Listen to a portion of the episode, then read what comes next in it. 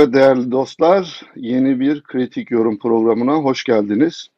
Bugün Asım Yıldırım Bey'in e, sağlık e, probleminden dolayı birazcık e, hasta. Ondan dolayı bugünkü programı sizlere ben sunacağım. E, öncelikle Asım Bey'e buradan geçmiş olsun dileklerimizi iletmek isterim. Ve yine dop dolu e, gündemin bütün ana başlıklarını e, konunun uzmanları ve değişik bakış açılarıyla yorumlayacak misafirlerimizle, konuklarımızla biz yeniden e, huzurlarınızda olacağız. Bugün de sizinle beraber. Öncelikle programımıza geçmeden önce bizlere ulaşabileceğiniz, eğer sorularınız, yorumlarınız, teklifleriniz veya eleştirileriniz varsa bizlere direkt olarak ulaşabileceğiniz e-mail adreslerimizi vermek isterim. asımyıldırım.com at gmail.com hesabından bizlere her türlü e, sorularınızı, konuşmamızı istediğiniz konularınızı ya da konularla ilgili yorumlarınızı, teklif ve eleştirilerinizi buradan e, rahatlıkla bizlere ulaştırabilirsiniz. Emin olunuz ki biz e, gelen bütün e-mailleri, soruları, yorumları, teklifleri, eleştirileri ve düşünceleri değerlendirip ona göre rotamızı çizeriz. Ona göre o konu başlığı ile ilgili konuşmalarımızı, programlarımızı yapabiliriz. Tabii bir de biliyorsunuz e, sosyal medya platformlarında program yapan ve gazetecilik yapmaya çalışan insanların e, destek desteğe de ihtiyaçları var. Bizim de programımızın e, ana e, yapımcısı ve aynı zamanda bütün bu teknik işlerin takipçisi olan e, Asım Bey'in de bir patron hesabı var. Eğer bu programları beğeniyorsanız, bu programların devam etmesini istiyorsanız ve benim de bu programlarda bir tuzum olsun diyorsanız ister patron hesabımızdan bize destek verebilirsiniz, desteklerinizi oradan gönderebilirsiniz. İsterseniz de YouTube üzerinden e, işte bir çay grubuna, bir kahve ısmarlamak isterseniz e, böyle de e, platformlar var. Buradan da bizlere desteklerinizi bildirebilirsiniz. Ve bu destekleriniz emin olun daha fazla içerik, daha fazla program ve daha kaliteli yayınlar olarak yine sizlerin huzurunuzda olacaktır. Yapılan her şey sizin tamamıyla haber alma özgürlüğünüzü ve e, gündemin konu başlıklarını yorumlama, farklı bir açıdan bakma amacı gütmektedir. Eğer sizin için de problem olmayacaksa her zaman e, desteklerinizi beklediğimizi bildirmiş olayım. Bugün yine e, herhangi bir İskandinav ülkesinde 40 yılda yaşanacak hadiselerin bir hafta yaşandığı bir hafta geçirdik Türkiye'de. E, sağ olsun e, Türkiye böyle bir ülke e, ve çok fazla konu başlığı var. İstanbul Büyükşehir Belediyesi'nin ortaya çıkardığı özellikle AKP'li vekillerin ve geçmişte AKP'den vekil olmuş bu şu anda bürokrasinin değişik kademelerinde yer alan isimlere verilen haksız bursların e, verilen paraların ve bu paraların e, iade edilmemesi, halkın cebinden çıkan bu paraların tekrar halkın cebine dönmemesi ve bu yolsuzluk tartışmaları. İkinci bir konumuz biliyorsunuz ekonomi şu anda toplumun, e, insanların en fazla gündeminde olan konu ekonomi. Özellikle e, kış aylarının gelmesi ve elektrik tüketiminin artması ve hükümetin elektrik zamları, son yaptığı elektrik zamlarıyla vatandaşın elektrik faturalarına olan tepkilerini ve bu sürecin nasıl gidebileceğini, bunun nasıl bir şeye evrilebileceğini e, işin uzmanı, ekonomist arkadaşlarla konuşacağız. Üçüncü bir konu başlığımızda biliyorsunuz e, Taksim Meydanı'nda müzik yapan yani sokak sanatçısı olan insanlar Kürtçe müzik yaptıkları için orada bulunan bir polis tarafından burası benim bölgem, benim e, hakim olduğum bu bölgede Türkçe şarkı söyleyemezsiniz denilerek e, o gençler susturuldu hatta gözaltına alındı ve buna karşı yapılan tepkiler vardı ve buna karşı yapılan eylemler vardı. Bu konuyu işleyeceğiz. Ve başka bir konuda yine e, manşetimizin e, oluşmasına sebep olan konumuz da ee, özellikle Samsun'da bir Atatürk heykeline yapılan saldırı girişimi ve o saldırı girişiminden sonra e, Kemalistlerin, e, Atatürkçülerin o heykelin etrafında dönmeleri ve bunun sosyal medyadaki yansımalarını e, ele alacağız. Sözü çok fazla uzatmadan e, değerli konuklarımızı da ekrana almak isterim. E, her zamanki gibi birinden çok büyük bir e, hışırtı geliyor. Anlamadım. Evet. E, efendim programımıza hoş geldiniz. E, bugün e, bizim e, Demir Baş ve A kadrosunun haricinde değerli akademisyen Turgay Karagöz Bey var bizde. Turgay Bey hoş geldiniz programımıza. Hoş bulduk Fuat Hocam. Hoş bulduk arkadaşlar. Faruk Bey hoş geldiniz. Merhaba, herkese iyi yayınlar. Yeni bir gün, yeni bir gündem. Murat Bey siz de hoş geldiniz. Hoş bulduk. Faruk abi, Fuat fena değildi. Ne diyorsun? Ya vallahi Asım bir daha dönemez herhalde öyle gözüküyor. Bana da öyle geldi. Fakat Asım abiden şöyle bir mesaj geldi. Ee, sen çok konuşuyorsun diye Murat'la Faruk. Abi sen bu hafta e, hasta olsan, e, Fuat'ı da sunucu yapsak, sunucu olduğu için az konuşur, biz de biraz fazla konuşuruz diye böyle bir komplo yaptığını söyledi. Böyle bir şey var mı? E, bilmiyorum. Yorum, Ama, yorum, yorum e, yok. Bir şey diyemem. Hı. Ha, tamam, iyi. Turgay abi sizle başlamak isterim. Ee, misafirlerimize biliyorsunuz bizim programda ilk söz hakkını misafirlerimize veriyoruz. Ve e, ilk konu başlığı olarak da e, ben İstanbul Büyükşehir Belediyesi'nde ortaya çıkan e, kanunsuz, hukuksuz bursların ve bu bursların e, devamında hem sosyal medyada verilen tepkilerin hem de halkın e, bu, bu ortaya çıkan e, hukuksuzluğa ve yolsuzluğa karşı verdiği tepkileri sizin genel bir çerçevede değerlendirmenizi rica edeceğim. Buyurun. Evet.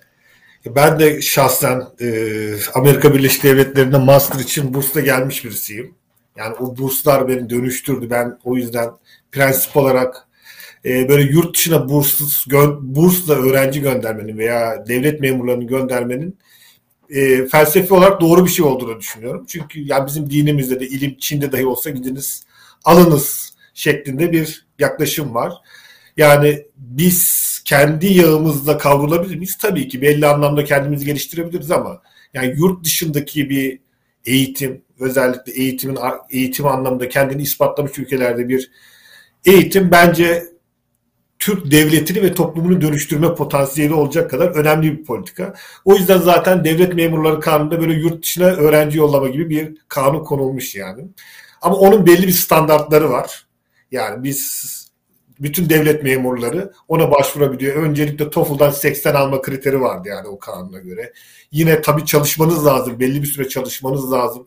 Yani şimdi bizim gördüğümüz şey evet prensip olarak bunlar doğrudur, önemlidir ve dön, dönüp kendi kurumunuzda hizmet vermeniz beklenir. Devlet size işte bana mesela 20 ay boyunca harcama yaptı devlet. Ben, benim iki katı oranda hizmet vermem bekleniyordu Türkiye'de ama işten attılar veremedik yani şey yapamadık onu nasip olmadı. Şimdi burada böyle bir şey görmüyoruz yani burada ne var? Hiç İBB'de çalışmayan insanlar işe başlıyor. İşe başladıkları gün burs alıp yurt dışına çıkıyorlar. Yani burada bir hulle var yani. Gerçek bu sistemi bu am sistemin amacına uygun bir şey yok. Sonra Almanya'da bir tane yine örneğe baktığımızda Almanya'da yaşayan birisi İBB'de işe başlıyor. İşe başladığı gün Almanya'da yeniden burs verilmeye başlıyor. Yani tamamen sistemin dışında kendi adamlarına yönelik. Eminim onlar minimum kriterleri de karşılamıyordur. Yani o bursa başvurabilmek için bir minimum kriter var. İşte o sınavları da falan almadan şey yapmışlardır. Yani neticede ortaya ya böyle insanların rahatsız olduğu, mide bulandıran bir şey çıkıyor. Yani böyle güzel bir politika, devlet tarafından e, benimsenmiş böyle güzel bir politika maalesef kötü kullanıldığı için gelecekte öğrenci yol göndermeye yönelik şeylerin de önüne geçmiş oluyor. Maalesef yani şimdi bu insanlar dönüp Türkiye'ye hizmet vermemişler. Yurt dışında gerçekten İBB'ye faydalı olabilecek yerlerde eğitim alıp almadıkları da tartışmalı. Çünkü burs yolluyorsanız eğer İBB'nin insan kaynaklarında çalışıyorsanız insan kaynaklarıyla ilgili bir burs eğitim almanız lazım veya farklı bir yerde iseniz ona göre bir eğitim almanız lazım. Yani tamamen kendi çalıştığınız kurumdan bağımsız bir eğitim almanız o kurs felsefesinin yine ötesinde bir şey oluyor. Yani nereden baksanız e, elde kalacak bir durum maalesef. E, bunları söyleyeceğim Fuat Hocam. Peki e, burada şöyle bir soru sorayım biraz daha ekleme yapmış olayım. Şimdi İstanbul Büyükşehir Belediyesi yaklaşık 25 yıldır AKP e, AKP zihniyetinin elinde. Ve biz biliyoruz ki e, yani bir hukukçu olmaya da gerek yok. Yapılan usulsüzlükler, yolsuzluklar, bütün bunlar 25 yılda yapılmışken özellikle toplumun önüne e, İstanbul'u kaybeden Türkiye'yi kaybeder diyen bir Erdoğan var ve İstanbul'u kaybetmiş bir AKP rejimi var ve büyük beklentilerle halkın özellikle de bazılarının kızılcık şerbeti içerek e, desteklediği bir Ekrem İmamoğlu ve CHP adayı var ve sonunda kazanılmış bir belediye başkanlığı var. Halk gerçekten sadece AKP AKP zihniyetinin İstanbul'dan gitmesi adına mı bu oyu verdi? Yoksa bunca yolsuzluk bütün kademelerde özellikle de İstanbul'da yapılmışken bu yolsuzlukların ortaya çıkarılması, bu para rantının kesilmesi için de bu Ekrem İmamoğlu ve o gruba e, oy veren insanlar bana şöyle geliyor. Yani o kadar büyük yolsuzluklar varken böyle bir burs meselesinin e, gündeme getirilip sadece bunun konuşulması, AKP bunu yaptı, işte böyle usulsüzlük yapmış demesi e, sanki e, siz e, polis olarak daha iyi bilirsiniz. Tavşan tabir vardır ya yani uyuşturucu kaçakçılığında küçük bir miktarı önceden götürürler. O yakalanır. Arkasından büyük sevkiyat yapılır gibi böyle bir şey anlatılır. Yani sanki bu meselelerde buna buna böyle bir şeye aklıma getiriyor. Siz nasıl bakıyorsunuz Turgay Hocam? Yani hocam tabi ayrıntısını bilmemekle birlikte sonuçta elde ispatlanabilecek veriler var. Yani bir kişinin İBB'ye ne zaman başladığı belli, ne zaman bursla görevlendirildiği belli. Yani bu şekilde bence kolay ispatlanan bir şey olduğu için bunu öne sürmüş olabilirler. İkinci olarak da yani AKP'nin yolsuzluk yapıl, yapmadığı iddia edilmiyor zaten. İBB'deki yolsuzluklar Ekrem İmamoğlu başa gelir gelmez o arabaları yeni kapıdaki o meydana dizdirdi falan yani. O yolsuzluklar da vurgulanıyor ama bence burada muhalefetin eline böyle güzel bir koz geçti. İspatlanabilecek, delilleriyle ispatlanabilecek ve işte o bakan bir kadın var yani. Bütün akrabalarını da üstüne işe almış. Yani onun da içinde olduğu bence politik olarak güzel kullanabilecekleri bir silah geçtiği için bunu kullandılar. Ben yani e, böyle şey olarak düşünmüyorum. Çok kompleks bir plan olduğunu düşünmüyorum. Yani şu anda AKP'yi nereden yıpratabileceklerse yıpratmaya çalışıyorlar. Böyle ellerine güzel bir koz geçti. Bunu diyeceğim Fuat Hocam.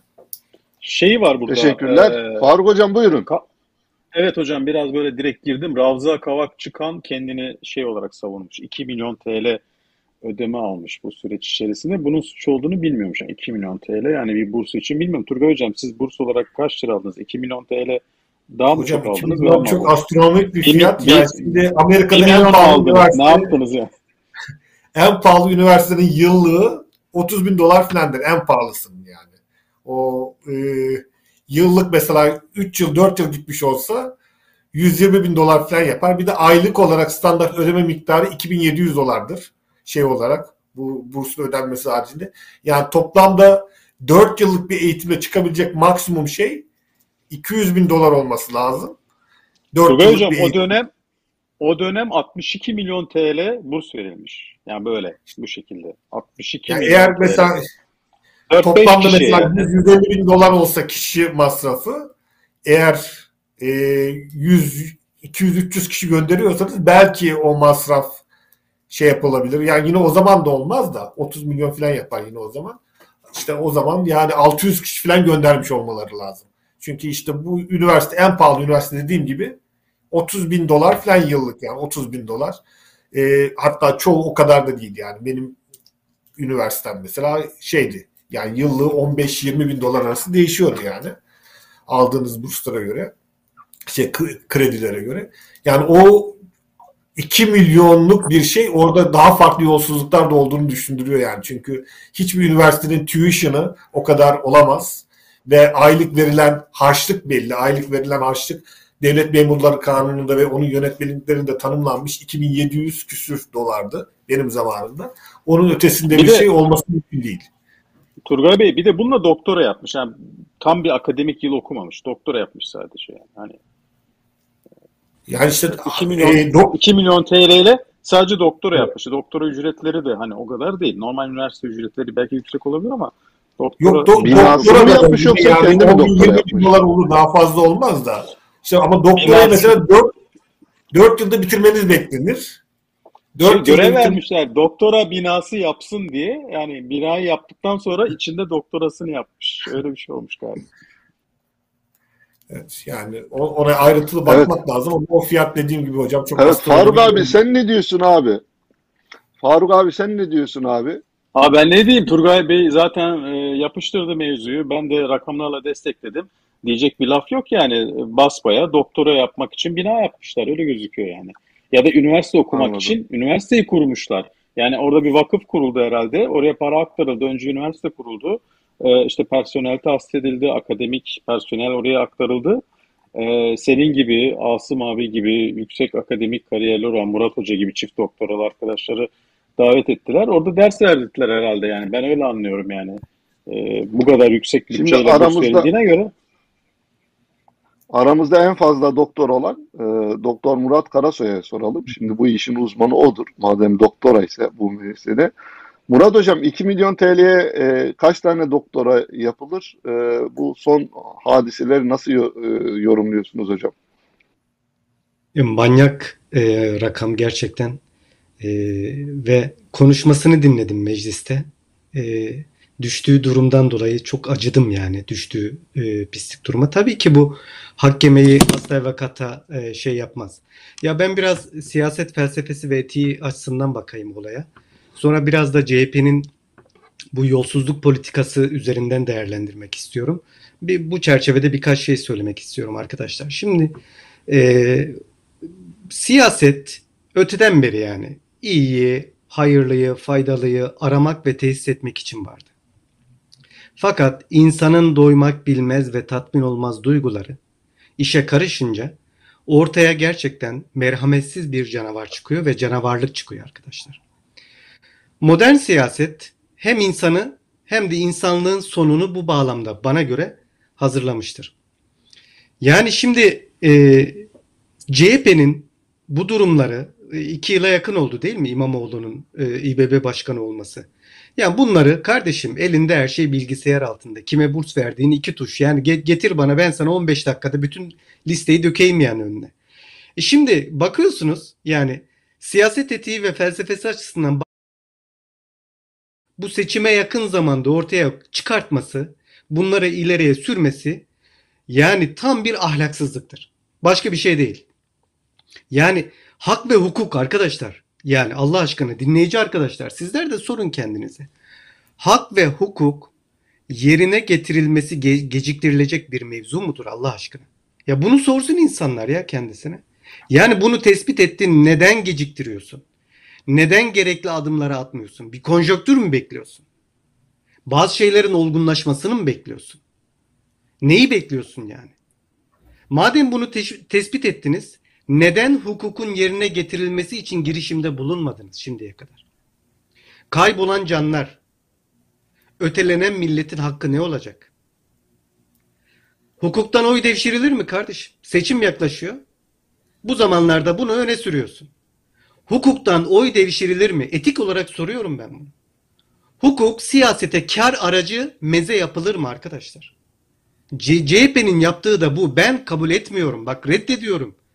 Burunlarından gelsin milletin paralarını yemişler. Zehir zıkkım olsun. Ben bunu tasvip etmiyorum asla ve kata.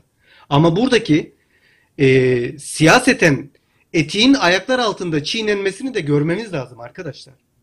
E o zaman hukukun siyasetin köpeği haline gelmesine CHP'de onay veriyor yani. Niye? Çünkü mahkemeyi, çünkü hukuku işlerine geleceği zaman e, seçime yakın bir zamanda işler hale, işletilir hale getiriyor bu bağlamda.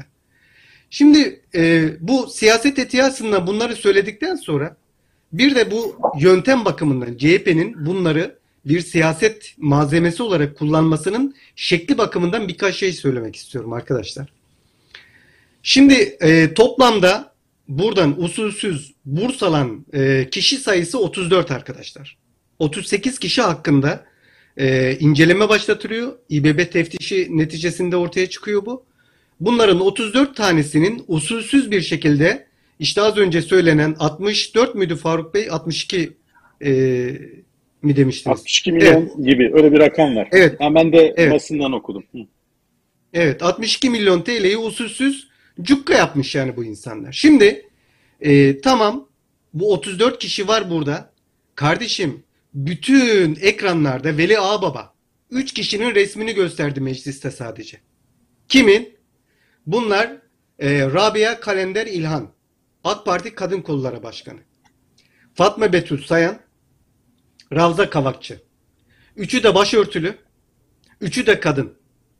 Nerede sizin dört tane insan bir yerde olduğunda ikisi kadın olsun diyen kadın erkek eşitliğiniz? Nerede erkek? Bu hususta hiç erkek gitmedi mi bu doktoraya? Neden sadece kadınlar üzerinden bu işi ve başörtülü kadınlar üzerinden götürüyorsunuz? CHP'ye sesleniyorum ben.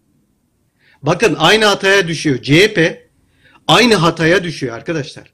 Ben, ben demiyorum başörtülü diye hukuksuzluğunu, yolsuzluğunu, usulsüzlüğünü göz ardı edelim, söylemeyelim. Kesinlikle böyle bir şey demiyorum. Ama CHP yine klasik refleksif tavırlarını dine karşı, başörtüsüne karşı AKP'nin eline koz verecek bir şekilde devam ediyor. Ben bunu görüyorum ve CHP'yi uyarıyorum. Yapmayın. Erkek de var onların arasında. 34 kişi var. 31 kişiyi neden söylemiyorsun kimler? Niye? Çünkü Fatma Betül Sayan eski bakan, bir tanesi e, kadın kolları başkanı, öbürü de popüler bir milletvekili. Bu sebeple onun üzerinden vurmak istiyor. Eşitlikçi Gerçekten kardeşim. hiç. Diğer kişileri duymadık. Basına evet. da yansımadı yani. O, 34 tane Faruk Bey. 34 kişi. Kadın, kadınları yani neden... ona atıp buradan siyaset devşiriyorlar kendilerince. O da ayrı bir evet. yamukluk diyeyim. Yani kelimeyi buldum aslında da söylemek evet. istemedim yani. Ya bir de bir ikincisi benim buradaki e, yani CHP'nin e, politika üretmesini eleştirdiğim nokta. E, bence şu anda CHP belediyeler üzerinden özellikle büyükşehir belediyeleri üzerinden e, biliyorsunuz 17-25 Aralık dosyalarının çoğu da İstanbul Büyükşehir Belediyesi ile ilgiliydi biliyorsunuz. Çoğunluğu da hepsi demiyorum. E, çok büyük usulsüzlük e, ve yolsuzlukların büyük kısmı işte Fatih Belediyesi vardı orada. Rıza Zarrab'ın yine İstanbul'daki ilişkileri vardı. İstanbul'daki ofislerle ilgili ilişkileri vardı. Yani İstanbul merkezliydi. İstanbul Belediyesi merkezliydi. Buradan şunu demek istiyorum. Şimdi e, CHP acaba yeni bir 17-25 Aralık benzeri bir operasyon refleksini mi doğurmak istiyor diye aklıma getiriyor. Gelmiyor değil. Eğer böyle bir şey yaparsa bakın e, AKP iktidarı buna karşı çok temkinli, tedbirli. Bu halk bunu yedi. Şantaj, duplaj, montaj dedi ve bu halk bunu yedi, inandı. Hükümete bir darbe diye bu işe e, inandı. Dolayısıyla bence CHP'nin bu işi biraz daha e, geniş alanda tespit ettiği incelemeler bitip soruşturma aşamasına geldiği noktalarda PDRP'yi bu dosyaları zamana yayarak dikkatli bir şekilde yapması gerekiyordu. Hepsini bir işte bekleyip iki yıl boyunca işte ondan sonra da aa burada bir, bak biz bunu bulduk. Aa bu da varmış. Aa bu da varmış. Ya yapmayın kardeşim aklımızla alay etmeyin bizim yani. Ben buna karşıyım. E, bunlarla C, e, AKP iktidarı bunlara karşı efsunludur. Buradan e, politik e, bir malzeme elde edemez diye düşünüyorum. Teşekkürler. Eyvallah Murat Hocam. Ee, başka eklemek isteyen var mı bu konuyla ilgili e, görüş olarak? Şöyle bir şey var. Mesela Dur yolsuzluk sizi... sanki Buyurun. İ, İ, İ, Buyur İBB abi. yolsuzluğu sanki bu eğitim yolsuzluğuymuş. Başka yolsuzluk yokmuş gibi bir imaj da var tabii. Bir yandan da hani e, bizim yorumcu arkadaşlar da yayında yorum yapıyorlar. Yani Büyükşehir Belediyesi'nin tek yolsuzluğu sanki bu burs e, ve okutma yolsuzluğuymuş. Başka yolsuzluk yokmuş gibi bir imaj da var. Burada da bir iletişim kazası var gibi yani. Bence Büyükşehir Belediyesi ya da CHP bir şeyler açıklamaya çalışıyorsa aynı Murat'ın çok güzel ifade ettiği gibi dört tane kadın e, bursiyer üzerinden e, kampanya yürütmesi bir handikap. Diğer 31 yani toplam 31 mi Murat? 31 32 34. Kişinin, 34 kişinin mesela ortada gözükmemesi, ismi geçmemesi, onların konuya ve e, özneye e, getirilmemesi Aynı zamanda da sanki başka yolsuzluk yokmuş. Tek büyük olay buymuş gibi anlatılması. Bu da ayrı bir konu. Hani dün ben e, Uğur Dündar'ın programında e, Ekrem İmamoğlu'nu dinledim biraz. Orada şey dedi. Biz dedi daha önce oturduk dedi Cumhurbaşkanımızla işte anlaştık dedi gayet güzel dedi seçime de o şekilde girdik dedi. Demek ki yani bir anlaşma da var gibi anladım bu gelişmelerle beraber. Yani bir şey ima etmek istemiyorum ama hani ortada çok fazla agresif gitmeden, etliye sütlüye dokunmadan, dört kadın üzerinden böyle bir politika yürüterek sanki yolsuzluğun hepsi bu kadarmış gibi de bir algı çalışması yaparak yapılan bir çalışmanın e, bana sanki böyle çok bir şey daha fare doğurdu havası verdirdiğini düşünüyorum. Bu aslında iktidarın işine yarıyor. Bak işte bizim burslarımızla uğraşıyorlar diyecek. Yani ben olsam öyle derim yani iktidarda. Turgay Hocam bir şey mi söyleyecektiniz? Yok yok hocam yani söylenecek her şey söylendi herhalde. Be, benim de e, yorumum şu bu konuda. Ee, ben e, bir 17-25 Aralık değil, e, 17-25 Aralık e, yani bu, bu, bu toplumun e, hiçbir şekilde e, hırsızlığa, yolsuzluğa tepki vermeyeceğini bence CHP de biliyor, AKP de biliyor, bütün muhalif e, kesim de biliyor. E, benim burada gördüğüm sanki yeni bir 28 Şubat öncesi bir ortam oluşturulma gibi bir niyet var ki bunun e, background'unda şöyle bir şey var bence. Şimdi AKP siyasal İslamcı faşizmin alternatifi ve kurtuluşu olarak bu toplumun önüne Kemalist faşizmi koyuyorlar.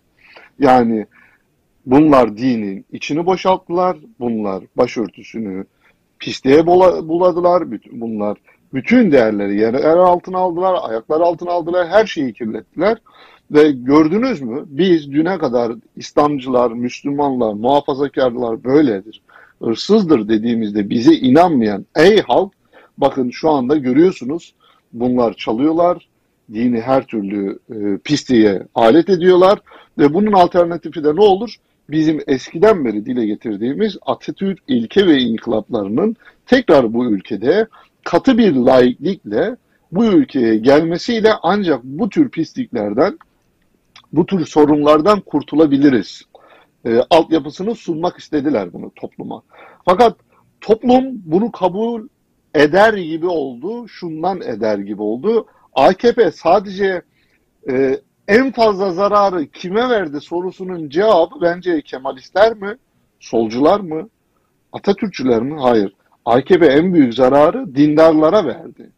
Bu teklif kime gidiyordu? Yine dindarlara gidiyordu dindarların bu konuda AKP'den aldığı özellikle hizmet hareketine yapılan zulümden sonra ve hizmet hareketinin içindeki insanların e, şu anda sadece yurt dışındakilerini düşünmeyin. Türkiye'de şu anda aynı zamanda e, milyonlara yakın çoluk çocuk insan var orada. Hapishanede insanlar var. Bu insanlara bu alternatif sanki biraz kabul edilir ya da böyle bir söyleme geçilir gibi oldu benim gördüğüm Türkiye'de. Ve bunun hem CHP tabanını bir araya getirme hem de ne kadar koparabilirsek hala kararsız olan bunlar dindar ama hırsız diyen adamlara ya tamam bunlar dindar ama hırsızlığı din üzerinden yapıyor demek için Bence bugünkü dört kadının e, İstanbul Büyükşehir Belediyesi tarafından özellikle sadece kadınlar üzerinden ve sadece başörtülü kadınlar üzerinden bunu ortaya çıkarması yine söylüyorum. E, ve biraz önce bir yoruma yazan arkadaş gibi eğer bunların en büyük yolsuzlukları e, bu e, verilen burslarsa 25 yılda bu adamlar çok temiz iş yapmışlar. Bayağı dürüst adamlarmış diyebilirim yani. O nedenle ortada bu kadar büyük yolsuzluklar varken kalkıp özellikle bir konuyu ve bu devede kulak diyeceğimiz bir konuyu artı bu devede de kulak dediğiniz konunun da e, kulağın sadece ben kısmını ya da yumuşak kısmını ortaya çıkarıp kulağın tamamını da göstermeyip hedef olarak bir kimliği bir şekli göstermeleri sanki yeni Ali Kalkancılar, yeni Fadime Şahinler yani 98'de o tür bir o model gerekiyordu. Fakat 2022'de bu model bir e, Fadime Şahin lazım ve o zaman suçlananlarla bugünün suçlamaları arasında da farklılık olması gerekiyor. O zaman suçlananlar işte ne cemaate herhangi bir e, dini lider dediği Ali Kalkancı'nın tuzağına düşmüş bir adam. Bugünkülerse şöyle lanse ediliyor. Müslümanım diyen fakat 2 milyon TL ile burs almış gitmiş insanlar. bundan dolayı benim özellikle Atatürk heykeli, Atatürk heykeline saldırı, ondan sonra bu meseleler ve bir iki hafta konuştuğumuz özellikle bir intihar, bir gencin intiharından sonra ortaya daha fazla çıkmaya başlayan bütün tarikatlar ve cemaatler kapatılsın söyleminin sanki bir 28 Şubat öncesinde toplumun tekrardan bu şeye hazırlanması gibi görüyorum ki evet doğru yani AKP bütün dini değerlerin içini boşalttı, her şeyi kirletti. Fakat bununla mücadele yine oraya saldırarak değil, o zihniyetin kendisine saldırarak olur. Dinlere saldırarak değil, dini değerlere saldırarak değil, cemaatleri kapatalım söylemiyle değil, cemaatleri ıslah edelim ya da cemaatlere denetim getirelim eyvallah. Fakat cemaatlerin tümünü kapatalım. İşte bütün hukuksuzluğu yapan, bütün hırsızlığı yapan da bu başörtülüler söylemi üzerinden bunu yaparsanız bu toplumu yine AKP'ye itmiş olursunuz ki ben özellikle e, bu cemaatler kapatılsın mevzusu konuşulduğu zaman demiştim ki emin olun AKP şu anda oyunu en az yüzde üç, yüzde dört arttırmıştır demiştim. Ki Metropol'ün son araştırmasıyla AKP'nin yaklaşık yüzde bir buçuk, iki kararsızları koyduğumuzda iki buçuk, üçe çıkan bir oy artışının olduğunu görüyor. Bakın millet bu kadar ekonomik sıkıntıdayken elektrik faturasını ödeyemezken insanlar Isparta'da 48 saattir elektrik verilmiyor. Türkiye Cumhuriyeti'nde bir şehir 48 saattir buz gibi karın altında olan bir şehirde 48 saattir insanlar elektrik alamadılar. Şimdi bu kadar geçti kötü olan hatta. bir durumda. 48'i de geçti. Heh, yani 3 3 günü buldu. Şimdi bu kadar kötü bir durumda halk hala AKP'yi destekliyorsa o zaman CHP'nin kendine dönüp biz nerede hata yapıyoruz? Niye bu halk bu adamlardan kopmuyor demesi gerekiyor. Fakat yine eski refleksleriyle nasıl bir şeyse eski refleksler devreye giriyor. Bununla böyle bir şey olduğu kanaatindeyim. Benim yorumum da bu.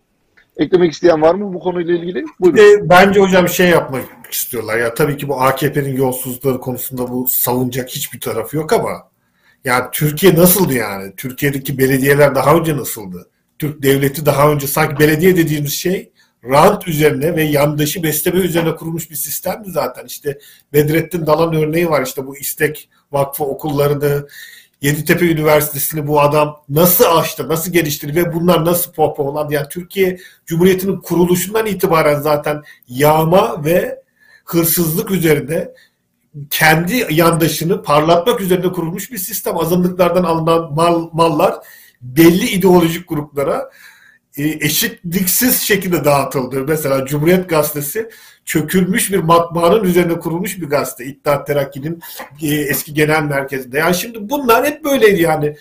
Ben polislikten hatırlıyorum. Mesela bir dönem bu Kuvayi Milliye Derneği gibi dernekler falan sağdan soldan çıkmaya başlamıştı işte. Yeniden Müdafaa Hukuk Cemiyeti 2006 yıllarında özellikle AKP'nin ilk yıllarında bu derin devlet tarafından koordine edilmiş bir politikaydı yani. Bu tarz böyle sivil toplumu örgütlemek için, radikalleştirmek için sağda solda dernekler açıyorlardı. Bu derneklerin binaları bu kişilere başlarında bir tane emekli albay konuluyordu. Milli emlak üzerinden falan veriliyordu yani. Şimdi yine bakarsanız birazcık karıştırırsanız bu Atatürkçü Düşünce Derneği olsun, Çağdaş Yaşamı Destekleme Derneği falan olsun. Ya bunlara belediyelerin, milli emlakın, bu tarz kurumların inanılmaz şekilde ön açması var. Ha şimdi bunu AKP ne yapıyor? AKP artık abartarak yapıyor yani. Onlar yine birazcık e, bu işleri gizli saklı. AKP artık tüm devleti ele geçirdiği için hiç artık bir çekincesi olmadan yapıyor. Ama her, tabii ki insanların belleklerinde bu geçmişte yaşananlar var yani. En azından yeni neslin değil ama bizim neslimizin 28 Şubat dönemini gören neslin ve AKP öncesi hükümetlerin nasıl yolsuzluklara bulaşabileceğini bilen neslin beyninde bu, bu şeyler var. Yani bu tarz propagandalarla bizim düşüncelerimiz tabii ki kolay manipüle edilecek bir düşünce tarzı değil ama hiç öyle bir resim var ki Türkiye'de AKP 2002'de geldi. AKP öncesi döneme ait hiçbir şey bilmiyor. Hiçbir şey bilmiyor. İşte bu insanlar bence bu propagandanın amacı bu insanları manipüle edebilmek. Bir AKP'den önce gerçekten muhteşem bir adalete dayalı Kemalist bir sistem vardı en azından devletin belli kurumlarında. AKP distantına geldi bunu berbat etti. Hayır. Türkiye berbat bir ülkeydi zaten. Ta kuruluşundan itibaren çok ciddi problemler olan bir ülkeydi. AKP aldı onu biraz daha berbat etti mi? Etti. Maalesef etti. Evet. Turgay Hocam Teşekkürler. biraz Ee, kendinizi şimdi tanıtırsa, biraz Turgay abi kendisini de tanıtırsa, hatırlatırsa seyircilerimize nasıl olur arkadaşlar sizce? Önerim. Evet iyi olur. Soruyorlar Turgay Bey. Ben Evet. e, Tanıtmadan tanıtmadan yayına girdik. Biz seni tanıttık. KYK'lı başkomiserim 8 yıl İstanbul'da başkomiserlik yaptıktan sonra 17-25'ten sonra gıyabımda beni Şemdin diye sürdüler. Ee, ben de o esnada buralarda master doktora falan yapmaya çalışıyordum. Daha sonra baktım yani Türkiye'deki şartlar değişiyor. Ben kendi bursum kesilmiş olmasına rağmen burada zorlayarak buralarda üniversitelerden burs bularak doktoramı bitirdim. Zaten o dönemde de işte 15 Temmuz olayı oldu. 15 Temmuz olayından sonra ilk KYK ile atıldım. Şu anda da 4 yıldır Amerika'nın çeşitli üniversitelerinde öğretim üyesi olarak çalışıyorum. Kendi alanım işte criminal justice, adalet yönetimi, e, adalet mekanizmasının yönetimi üzerine dersler veriyorum. Teşekkürler. Teşekkürler hocam. Şimdi iki, ikinci konuya e, konumuza geçelim. İsterseniz biliyorsunuz e, Taksim'de e, sokak sanatçıları var. Hepimiz mutlaka karşılaşmışızdır. Bir köşede oturup müziklerini yaparlar. Siz gidersiniz, dinlersiniz onları. E, isterseniz yardım edersiniz o insanlara. E, böyle bir sokak sanatçısı genç topluluğu Kürtçe şarkı yap söylüyorlar, Kürtçe müzik yapıyorlar. Ve orada bir polis çıkıyor. E, Turgay Hocam meslekten gelen biri olarak ben size direkt soracağım bu soruyu. Evet. Ve diyor ki burada buralara e, ağası benim modunda. E, benim diyor sorumluluğumda olan, benim kontrolümde olan burada siz şarkı söyleyemezsiniz diyor. Söyletmiyor artı bir de gözaltına alınıyor o gençler. Hocam e, bu polislerin gerçekten böyle bir ağalık yaptıkları e, bir düzen mi vardır yoksa e, polisler de kanunlara, e, kurallara, hukuka böyle bağımlılar mıdır? Ona göre mi hareket etmek zorundadırlar? Turgay Hocam. Şimdi hocam polislik mesleği belli, belli bir güce sahip oluyorsun. O gücü sindirmek şey e, bir karakter meselesi yani o gücü sindirecek her insan sindiremiyor maalesef. Adam yani sonuçta özellikle İstanbul gibi bir yerde kritik bir yerde göreve başladıysan size insanlar olduğunuzdan fazla saygı göstermeye başlıyorlar. Çünkü işleri var yani. Siz bir polis olarak kritik yerlerde zaman zaman onlara yardım edebilirsiniz. Ve sizden de bir silahlı güç olarak korktukları için bazen yaptığınız şeyleri görmüyorlar. Yani bu bazı insanları zehirliyor yani. Bazı insanların sağlıklı düşünmesini engelliyor. Kendilerini bir şey zannediyor. Yani orada o arkadaş e, bu gücü sindirememiş bir hastalıklarını mesleğe taşımış bir arkadaş olarak ortaya çıkıyor. Ama bu şeyin tezahürü hocam yani maalesef Türkiye'de ırkçılık var.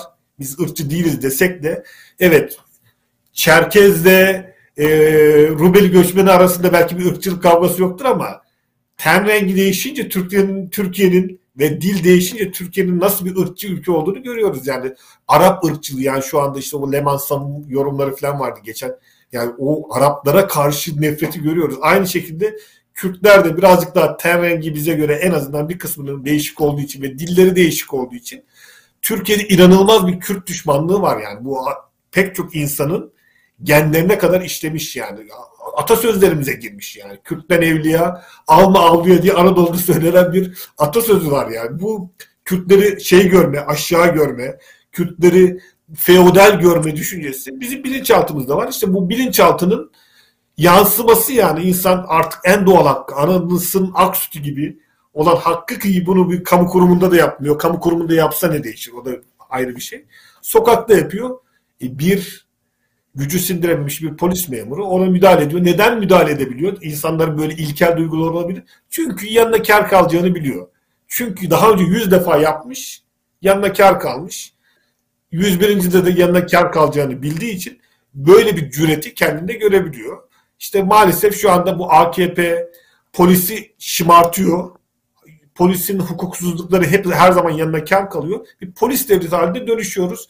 Şu an onlar da zaman zaman böyle AKP'yi dahi zor durumda sokabilecek saçmalamalar yapıyorlar. Yani daha bu tarz çok örnek göreceğiz. Çünkü e, polis üzerinde bir accountability, hesap verilebilirlik mekanizması yok. Ne yaparsa yapsın işkence yapıyor yanına kar karıyor yani. Adamlar yani maalesef bu haldeler.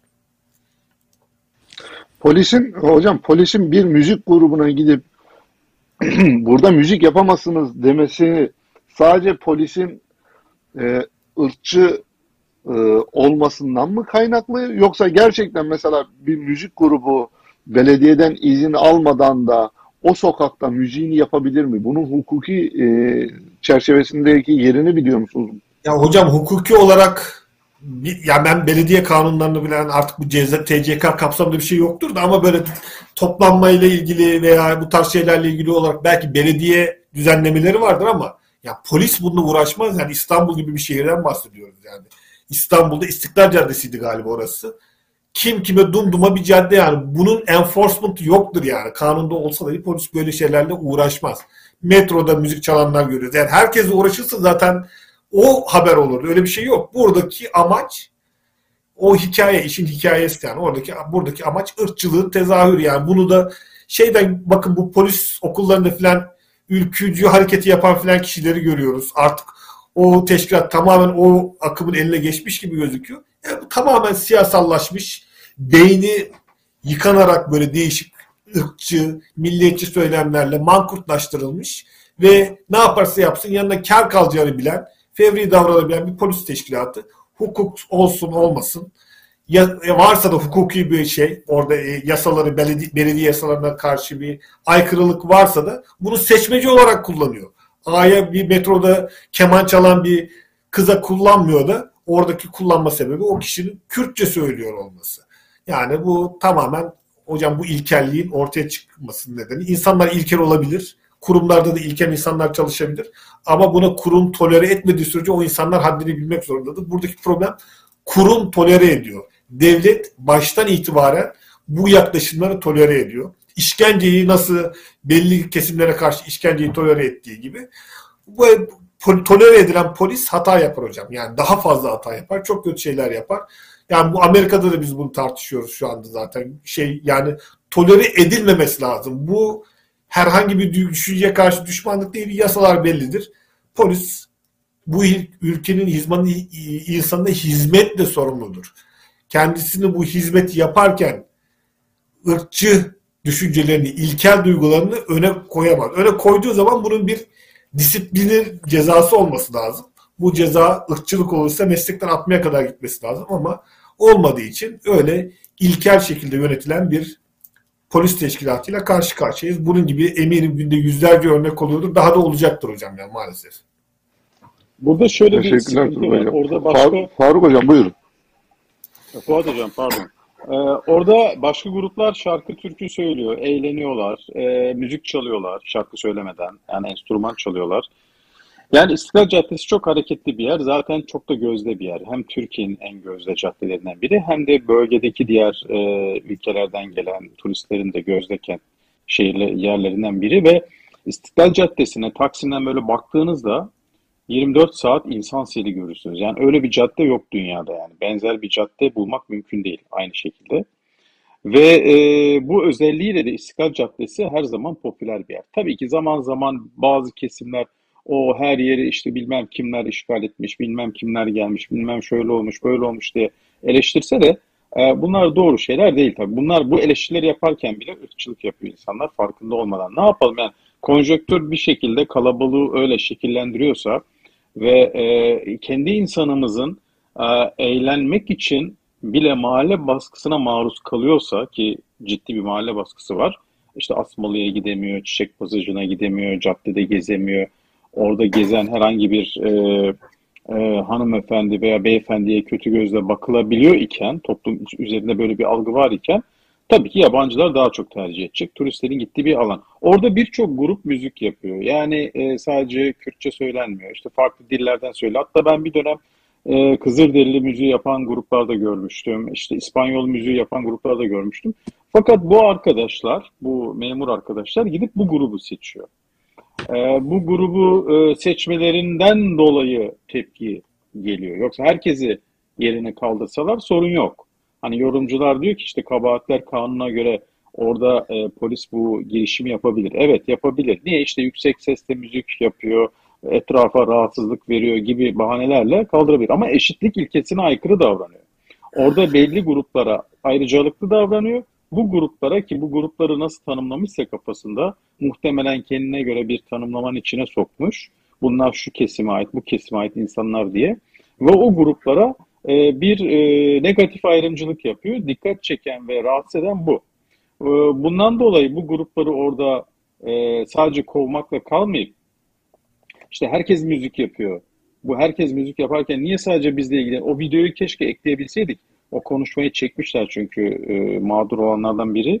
E, e, o da diyor ki olsun diyor ben ben buna karar veriyorum diyor. Burası benim mekanım diyor. Burada müzik yapamazsanız diyor. Yani çalışılıyor bizim böyle bir niyetimiz yok diye falan. İşte ertesi günde çeşitli sivil toplum örgütleri ve siyasal partiler orada e, bu ayrımcılığa karşı destek veriyorlar. E, Fuat Bey'in de e, videolarını paylaştığı çeşitli e, sekanslar oluşuyor.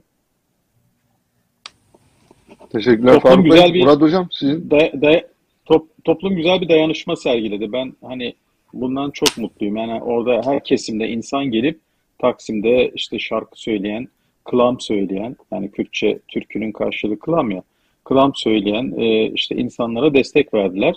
E, çoğu insan Kürtçe bilmediği halde Kürtçe işte halaylara, şarkılara eşlik etti. Başka dillerden de söyleyenler oldu. Güzel bir görüntü oldu. Uzaktan hissettiğimiz güzel bir dayanışma örneğiydi. Kimsenin de tabii burnu kanamadı, vandalizm yaşanmadı. Sadece bir protesto oldu ve güzel oldu. Güzel bir örnek Türkiye için. Hep Eyvallah. söylüyorum Hocam ben de. buyurun. Fuat, Fuat, hep söylüyorum ben de. Türkiye'nin sorunları çok derin sorunları var Türkiye'nin. Ve bu sorunlar çok basit bir şekilde e, tetiklenebiliyor. Bakın mesela orada e, Turgay Hocam çok daha iyi izah eder konuları. E, amiri, o kişinin polisin amiri ona işte anons ediyorlar mı bu dönemde onu da bilmiyorum ama işte telefondan bir mesaj atar, müdahale edin. Onları oradan işte kaldırtın e, şeklinde bir haber gönderse onlar da geliyor orada hemen anında müdahale ediyor. Bakın Türkiye gündemi bu şekilde e, yani yapay bir gündemle aslında hiç olmaması gereken bir gündemle buraya ot- oturabiliyor yani gündeme oturabiliyor. 2022 yılındayız hala işte insanlar ana dilini konuşabilsin mi konuşamasın mı? Bu hususta müzik yapsın mı yapamasın mı bunu tartışıyoruz yani. Aslında arkadaşlar burada şunu görmemiz lazım. Bakın orada insanların e, İstiklal Caddesi'nde müzik yapmasıdır problem olan. Hakkari'ye git müzik yap kimse bir şey demez sana yani. Diyarbakır'a git yap bir kimse bir şey demiyor. Ama bu insanlar İstiklal Caddesi'ne geldiğinde orada müzik yapmak istediğinde orada Kürtçe konuştuğunda burada sorun oluyor işte. Yani bunu lütfen bu Kemalist kafalar bunu çok iyi görsün. Bu halk da bunu görsün. İşte bu Anadolu insanının her yerde olmasını istemiyor. Yol yapmaması yani bir müzik parçası. Hani müzikten ne beklersiniz siz? Ezgiden ne bekler insan? Biraz naif olur, yumuşak olur değil mi? Yani tınısı hoş gelir, hoşuna gider, tebessüm edersin, dudakların geriye doğru falan gerilir. Ya bizim bizim poliste eli copa gidiyor adamın ya. Ya nasıl bir refleks kardeşim? Nedir bu yani? Onu nasıl görüyor? Nasıl böyle bir hale geliyor? Demek ki bu konu arkadaşlar müzik konusu falan değil. Gösteri, toplantı, yürüyüşle ilgili değil. Bu konu dil konusudur. Bu konu Kürtçe konusudur. Dolayısıyla bunu sorunu burada neyin sorun olarak görüldüğünü çok iyi tespit etmemiz lazım. Ee, Murat bir sana destek benim- vermek için bir şey eklemek Buyurun. istiyorum. Yani burada mesela doğrudan e, Kürtçeyi de hedef e, almayabilir. Tabii ki var hedefinde ama yani öyle de nitelendirmeyebilir. Burada bir bayrak gösterilmesine rahatsız. Yani ona göre Kürtçe konuşulduğunda ülkenin bölünmez bütünlüğüne zeval geliyor. Yani öyle bir düşüncesi var. Evet. Hani anladın mı yani kültürel olarak da işte bir- birlik ve bütünlük olarak da böyle bir konuşma ve şarkı türkü olduğunda müthiş zarar görecek yani aşırı bir şekilde zarar görecek ve bunu önlemesi lazım yani bu bu kahramanlık duy- duygusuyla müdahale ediyor yani bence e, maksadını aşan bir müdahale tabii ki hani seni desteklemek için bunu ilave etmek istedim. Evet. Yo çok güzel. Ee, işte burada arkadaşlar bu sorunu, buradaki sorunu polis özelinde yani sorun ancak hukukla aşılabilir. Yani polis PVSK'yı bilmiyor ki, polis vazife ve selahiyet kanununu bilmiyor ki, neye nasıl müdahale edileceğini bilmiyor ki. Bulmuş hasbelkader 6-7 ay okumuş okuldan gelmiş oraya polis olmuş.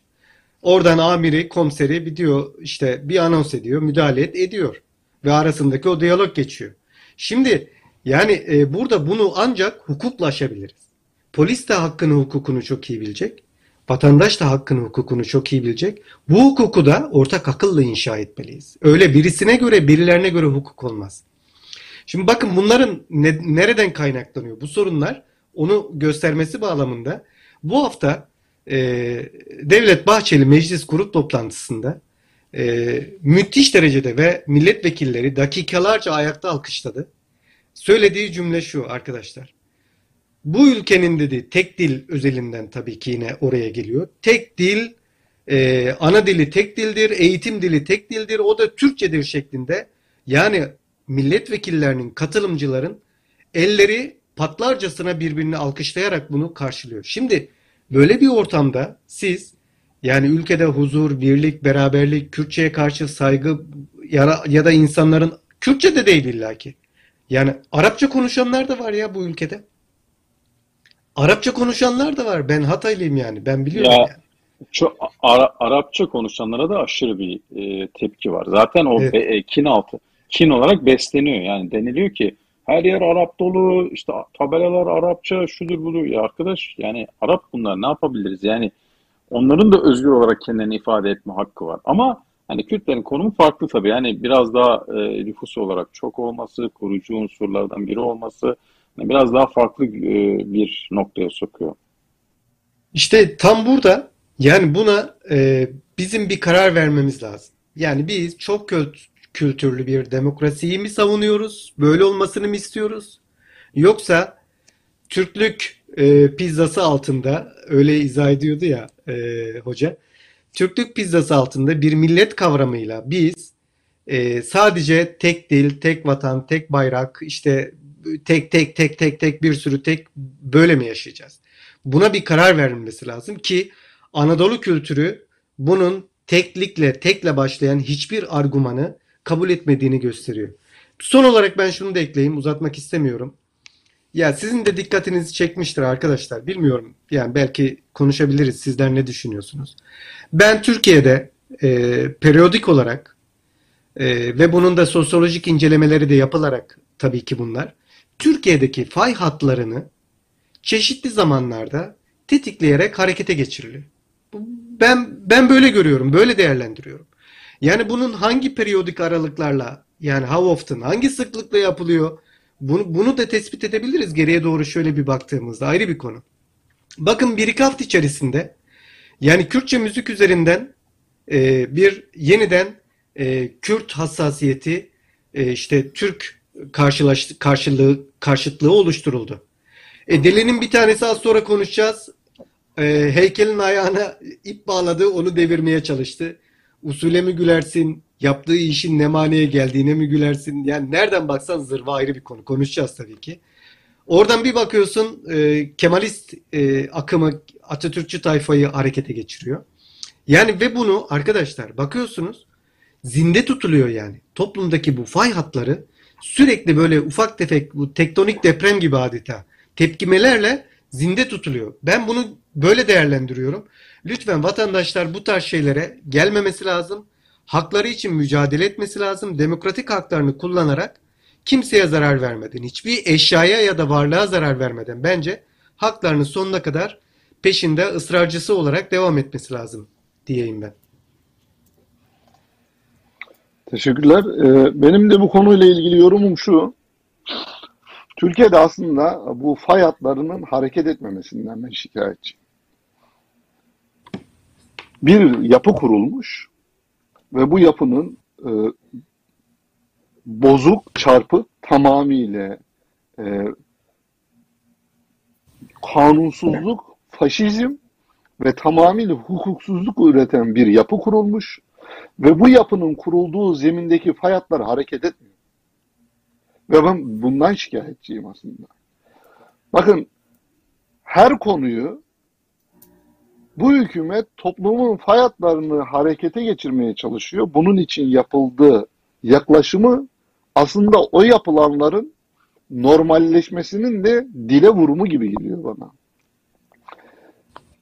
Bu ülkede Konya'da bir aileden yedi kişi bir komşusu tarafından daha öncesinden de Kürt oldukları için kavga ettikleri bilinen ve Kürt kimliğinden dolayı bir husumet başlayan bir aile evlerinde katledildi. Fakat bu toplum dedi ki onlar Kürt olduğu için katledilmedi dedi. Üzerine örtük. Bu ülkede bir baba ve çocuk Kürtçe konuştukları için Bursa'da ne yapıldı? Linç edildi. Öldürüldü mü? Bu toplum yine dedi ki ya bunlar başkaları yapıyor. Toplumun fay hatlarını harekete geçirmeye çalışıyor. Bu ülkede anneler sokak ortasında öldürüldü. Çocuklar cenazesinin başında bekledi. Köpekler yemesin diye. Yine o gün dediler ki bizi bölmeye çalışanlar böyle fitneler ortaya çıkarıyor. Ben artık bunun yani toplumun gündemini, hayatlarını hareketlere geçiriyor söylemi bana çok komik geliyor. Top, bu toplumun e, hayatları hareket etmiyor. Bu toplumun hayatları hareket etmiyor. Şu anda insanlar eşitlikte değil, yani eşit olmayı talep etmiyorlar. Eşitsizlikte eşit olma talepleri var şu anda. Eşit olma taleplerini kaybettiler. Yani öyle bir talebin olmayacağını biliyorlar. Bari eşitsizlikte bir eşitlik olsun. Yani biraz önce sokak sanatçıları konusundan konuşacak olursak, Kürtçe şarkı söyleyen insanların bugün polis tarafından susturulması Kürtler için emin olun çerez mahiyetinde bir şey. Bu ülkede Kürtler 20 yıl öncesine kadar Kürtçe şarkı dinleyemiyordu. Bakın söylemeyi geçti bu sokak ortasında. Dinleyemiyordu. Yasaktı. 90'larda ben hatırlıyorum kendi ailemden.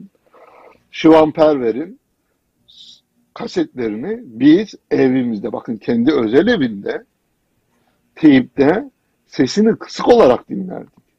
Rahmetli nenem o şarkıları yani dışarı şey gitmesin diye ses gitmesin diye kısık sesle kulağının yanına böyle oraya yatardı oradan dinlerdi. Şimdi bu ülke böyle bir şeyden buraya geldi. Onun için Kürtlerin hayatlarını işte bizim müziğimizi engellediler. Ya bu Kürtlerin müziğini yasakladılar bu ülkede. Engellemeyi geçtim sokakçı sanatçılar. Peki niye yapıyorlar bunlar? Abi bir ülke resmediyorum size şimdi. Cumhurbaşkanı anayasa ka kararlarına saygı duymuyorum. Cumhurbaşkanının ortaklık yaptığı MHP'nin genel başkanı anayasa mahkemesini kapatalım. Bu ülkenin ana muhalefet lideri anayasaya aykırı olsa da biz bu kanuna destek vereceğiz diyor. Yine aynı muhalefetin lideri bugün çıkıp yine şu açıklama yapıyor. Anayasaya aykırı olsa da Erdoğan 3. dönem Cumhurbaşkanı olmak isterse biz buna itiraz etmeyiz diyor. Şimdi ortada bir ana var. Yasasını da koymuşlar. Anayasa olmuş. Fakat bu anayı da bu yasayı da hiçbir şekilde sallamayan böyle bir zihniyet var tepede. Muhalefeti de böyle. Cumhurbaşkanı da böyle. Ortağı da böyle. Şimdi bu ülkeden kalkıp işte ayda 5000 TL maaş alan bir polisin anayasaya ve kanunlara uyuyor mu? Yaptığı iş hukuki mi diye soru sormak bana çok komik geliyor. Zira keyfilik en tepeden en aşağıya kadar o kadar sıradanlaşmış ki ve bu artık öyle bir norm haline gelmiş ki keyfiliği yapmayan insanlar bugün mesela biraz namuslu olmaya çalışan, biraz hukukun içerisinde davranmaya çalışan insanlar ya oralardan atılıyorlar ya o insanlar oralardan ayrılmak zorunda kalıyorlar. Çünkü keyfilik bir norm haline gelmiş.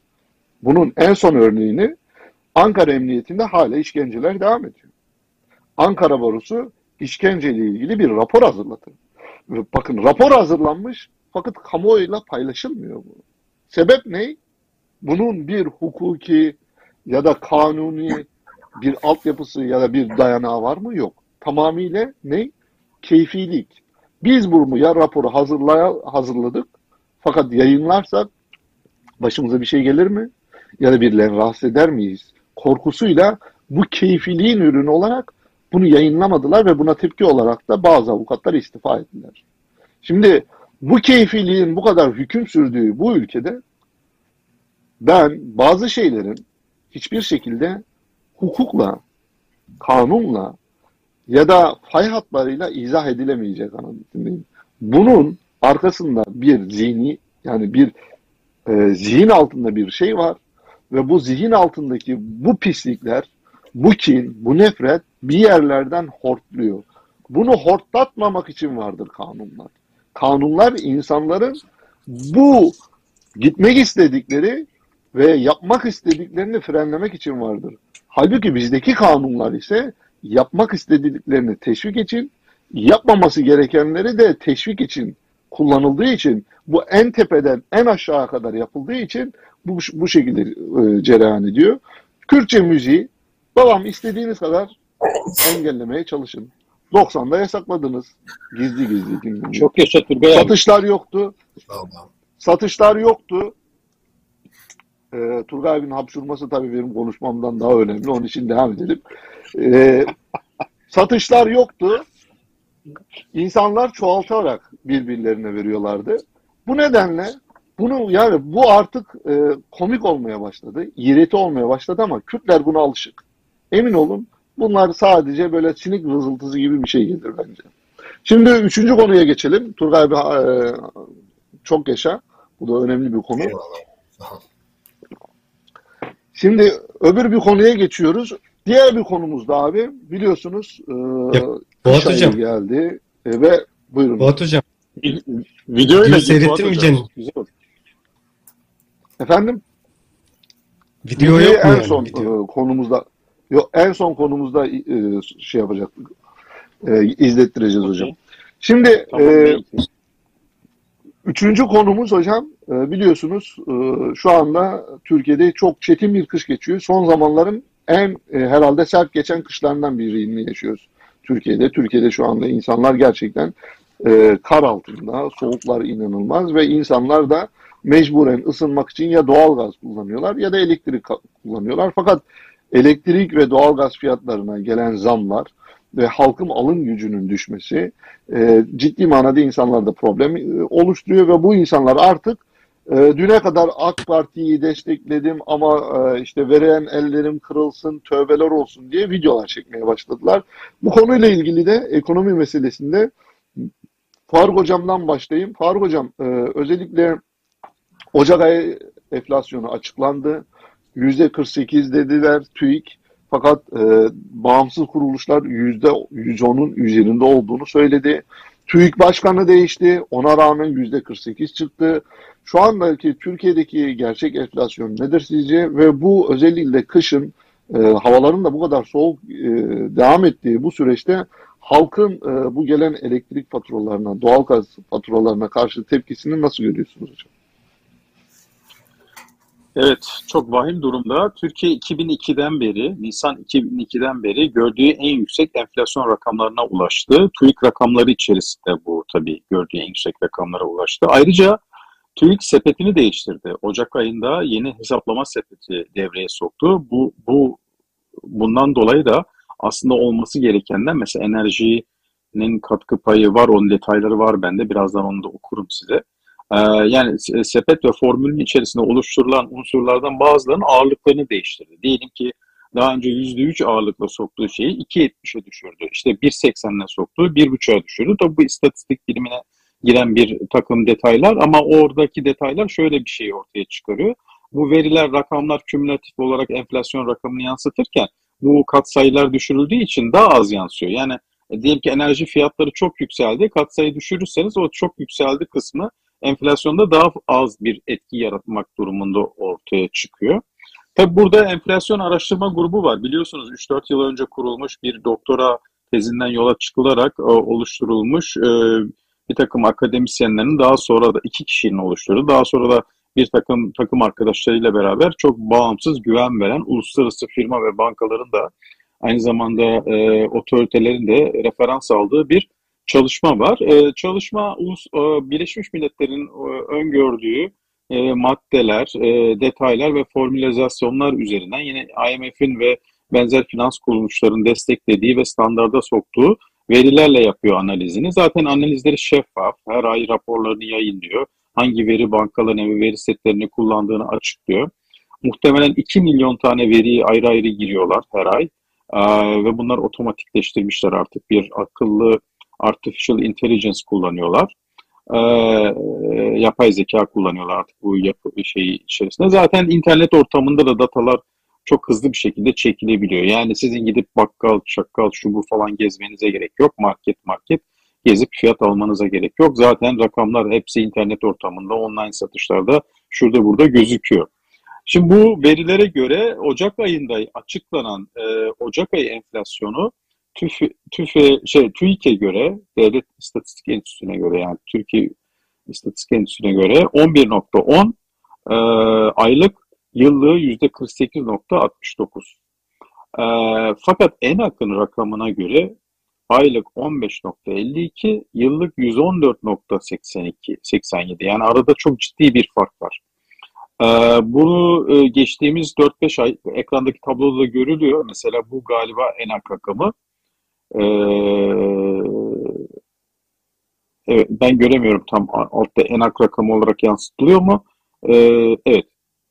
Bu TÜİK rakamı bakın mesela Eylül'de 19.58, 19.89, 21, 31, 36.08, 48.69 diye açıklanan yıllık kümülatif enflasyon rakamı. Bu aylık değil bunlar yıllık toplam gelen yani he, toplaya toplaya gelen ve bir önceki 12 aya göre hesaplanan enflasyon rakamı bunlar. Ee, bir de ENAK'a göre rakamları görüyoruz. 44.7, 49.8, 58.6, 82, 114 şeklinde gidiyor. Arada ciddi bir fark var. Tabii bu da ister istemez Türkiye'deki rakamların üzeri örtülüyor mu? Bunlar üzerinde spekülasyon yapılmasına engel mi olunuyor? Şeffaflık üzerinde büyük bir e, e, e, spekülasyon, manipülasyon mu var diye e, konuşuluyor, ediliyor. Tabii bizi ilgilendiren kısmı halkın hissettiğidir. E, yeni yapılan Türk İş'in araştırmasına göre Türk İş Gıda Fiyat Endeksi ve Türk Gıda Fiyat Endeksi e, e, beraber e, yani TÜİK'in Gıda Fiyat Endeksi beraber incelendiğinde açlık sınırı 4250 TL'ye gelmiş oluyor Ocak ayı içerisinde. Yani asgari ücretle aynı oldu açlık sınırı. Bakın bu açlık sınırı, asgari geçim sınırı değil. Yoksulluk sınırı da 13.844 TL. Yani ülkenin vatandaşları ya da yaşayanlar 84 artı 9 milyon mülteci bunu damarlarına kadar, hücrelerine kadar hissediyor tabii doğal olarak. Ve ortada şöyle bir tartışma dönüyor. Görüyoruz işte sosyal medyada falan. Ee, ev kirasının iki katı, üç katı elektrik faturaları geliyor. Elektrik geliyor, gaz geliyor.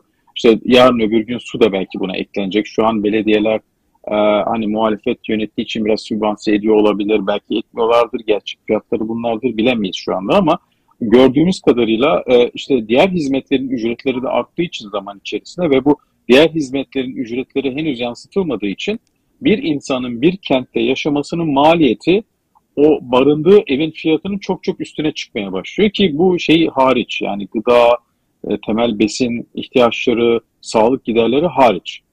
Ee, geldiğimiz noktada söyleyecek fazla bir söz yok. Ülke uçuruma doğru yuvarlanıyor. Ee, ben hani tekrardan katkıda bulunmak için sözü sizlere devretmek istiyorum. Arada girelim tekrar. Teşekkürler. Turgay Hocam siz ne dersiniz? Hocam ben Faruk Hoca rakamlarla falan konuştu. Ben o derecede bu konulara hakim bir insan değilim ama dışarıdan bakan olayları anlamaya çalışan birisi olarak şunu diyeyim yani TÜİK'in başkanı sürekli olarak değişiyor yani. Zaten bu şeylerin anormal olduğunu gösteren bir şey. Yani oldukça teknik bir iş. İstatistiki metotlarla belli şeylerin ölçülmesi işi. Yani sürekli burada bir başkanın değişmesi burada bir manipülasyon yapılmaya çalıştığının göstergesi. Yine ekonomiden anlamasam da yani Türkiye büyük bir ülke. 80 küsür milyon nüfus olan bir ülke. Ya bu ülke kaynakları da oldukça sınırlı. Doğal kaynakları çok çok sınırlı.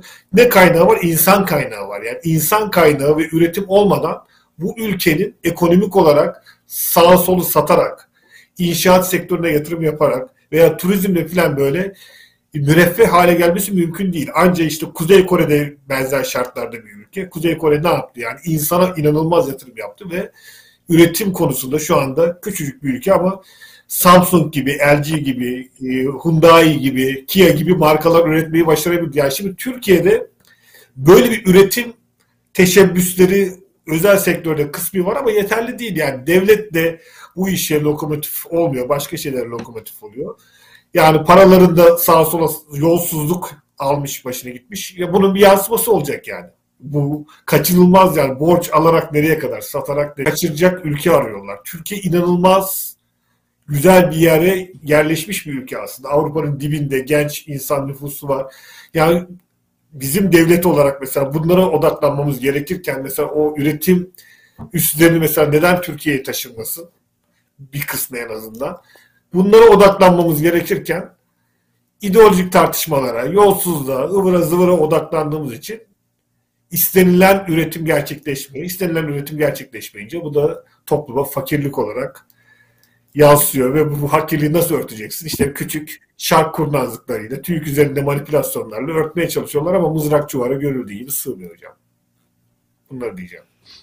Teşekkürler Murat Hocam. Ya ben Faruk Bey'e e, sadece iki konuyu unuttu. Onu hatırlatarak şey yapmak istiyorum. Önümüzde yaz biliyorsunuz. E, millet de 6-7 yıldır ekonomik kaygılardan dolayı evlenemiyor. Hem evlenmesi gerekenler birikti hem de normal evlilik olanlar var. Şimdi burada gram altınla çeyrek altın fiyatları çok önemli. E, ben onları bildireyim. E, gram altın fiyatı 787 lira 17 kuruş. Çeyrek altında 1261 lira 34 kuruş. Yani bir çeyrek altın arkadaşlar. Bunlarla ekleyeyim ben hem evet. e, konuyu Çok zengin... değişmeyebilir yaza kadar bu fiyatlar. Senin verdiğin bu fiyatlarda kalabilir yaza kadar. Çünkü e, Türkiye'de durumlar pek değişmeyecek gibi gözüküyor yaza kadar.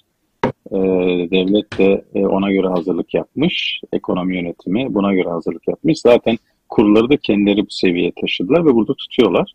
Herhalde yaza kadar evlenecek olan arkadaşlar için fiyatları sabit kalacağı için çok peşinde koşmalarına gerek yok. Verdiğim verileri 3-4 ay kullanabiliriz yani öyle gözüküyor. Yıl boyunca tahriş olan ekonomi için TÜİK Bakım serisi. Gerçekleri kapatmada %48'e kadar etkili. Düşük enflasyonun sırrı TÜİK'in yeni formülünde saklı. Böyle daha ışıltılı. Evet, e, bu da bir kamu spotuydu. E, TÜİK, şimdi bayağı bir soran oldu TÜİK nedir diye. Türkiye İstatistik Kurumu diyen arkadaşlar oldu. Hayır efendim bir krem markası. Kırışıklıkları, yaraları ya da problem olan yerlere sürüyorsunuz ve daha ışıltılı bir hale getiriyor. Şimdi benim bu konuyla ilgili yorumum şöyle olacak. E, enflasyondur, elektrik faturalarıdır. Şimdi benim babam e, hastaneye gitmekten nefret eden biri. Mesela zehirlendi ve işte bir elma yedi. Elmada tarımsal ilaç varmış. Zehirlendi. Ya işte çok affedersiniz istifa ediyor. Baba diyorum bak e, hastaneye gidelim. Yok diyor yoğurt ver diyor. Yoğurt diyor. Gene dayanamıyor. Gene gidiyor. Baba diyor hastaneye gidelim. Cık, yok diyor. En son ben babamı kucakladım. Taksiye attım, hastaneye götürdüm. Orada serum verdiler. Ne içti, ne yedi işte. E, zira ilaçtan zehirlendiğinden şüpheleniyoruz. Elmayı yıkamadan yedi. Bundan dolayı hemen ilaç verdiler, tedavi ettiler. Şimdi Türkiye'deki insanların haline bakınca e, özellikle elektrik faturasından, e, işte ülkenin işsizlik meselesinden, fiyatların e, pahalı olmasından dert yanan fakat hala AKP diyen insanların bu hastaneye gitmekten korkan insanların psikolojisine yakın görüyorum ben bu insanları. Ee, bunlar gerçekten ülkenin de kendilerinin de bir hastalık içerisinde olduğunu, bir şeylerin doğru gitmediğini biliyor. Ya yani bir yerlerden yani benim babamın örneğinden verdiğim gibi bir şeyler sende bir rahatsızlık meydana getirmiş ve bu sana değişik şeyler olarak, değişik komplikasyonlar olarak ortaya çıkarıyor. Yani enflasyon artıyor, döviz kuru artıyor, işte işsizlik artıyor, senin elektrik faturan daha fazlaya gelmeye başlıyor. Ee, pazara gittiğinde eskiden 100 TL'ye aldığın 5 tane e, poşeti şu anda 500 TL'ye alamıyorsun. Ve buradan diyorsun ki ya burada bir problem var diyorsun. Fakat problem var da benim babam gibi Türk milleti de diyor ki Tamam problem var ama ben tedavi olmak için hastaneye gitmeyeceğim. Ne yapalım diyor o zaman? Yoğurt yiyin. Yani doğuda vardır ya zehirlendi mi yoğurt yedirilir. Yani Türkiye'de böyle bir anlayış var. Yoğurt yiyelim. E yoğurt fayda etmedi baba. O zaman e, ne yapalım? E, süt içelim. E, o da fayda etmedi. İşte nenem gelsin e, sana bir şeyler e, yedirsin. O zehiri alır. Somun ekmek ye o zehiri mideden alır. Bak bunu söyleyen oldu benim yani kulaklarım. Somun ye dedi tamam mı? O zehiri emer dedi. Zehirin etkisi azalır dedi. Şimdi Türkiye'de de insanlar bir şeylerin normal gitmediğini biliyor. Fakat Türkiye'deki insanlar hastaneye gidip neyle karşılaşacaklarından korktuklarından dolayı. Benim babamda hastane fobisi var. Hastaneye gidersem acaba başka bir hastalığım çıkar mı? Ya da farklı bir şey olur mu diye hastaneye gitmek istemiyor. Doktora gitmek istemiyor. Amerika'ya geldiğinde de aynı şeyi yaşadık. En son artık götürdüm hastaneye. 5 gün hastanede kaldı. Bayağı ciddi bir rahatsızlığı varmış. Burada öğrendi. Bak hastaneye gitmemekten öğrendi. Zira korku insanların bir şeyi öğrenmekten ve o şeyle yüzleşmekten korkuları acı çekmelerinin önüne geçiyor. O korku onun önüne geçirmiş oluyor. Yani acısını çekiyor, ağrısını çekiyor.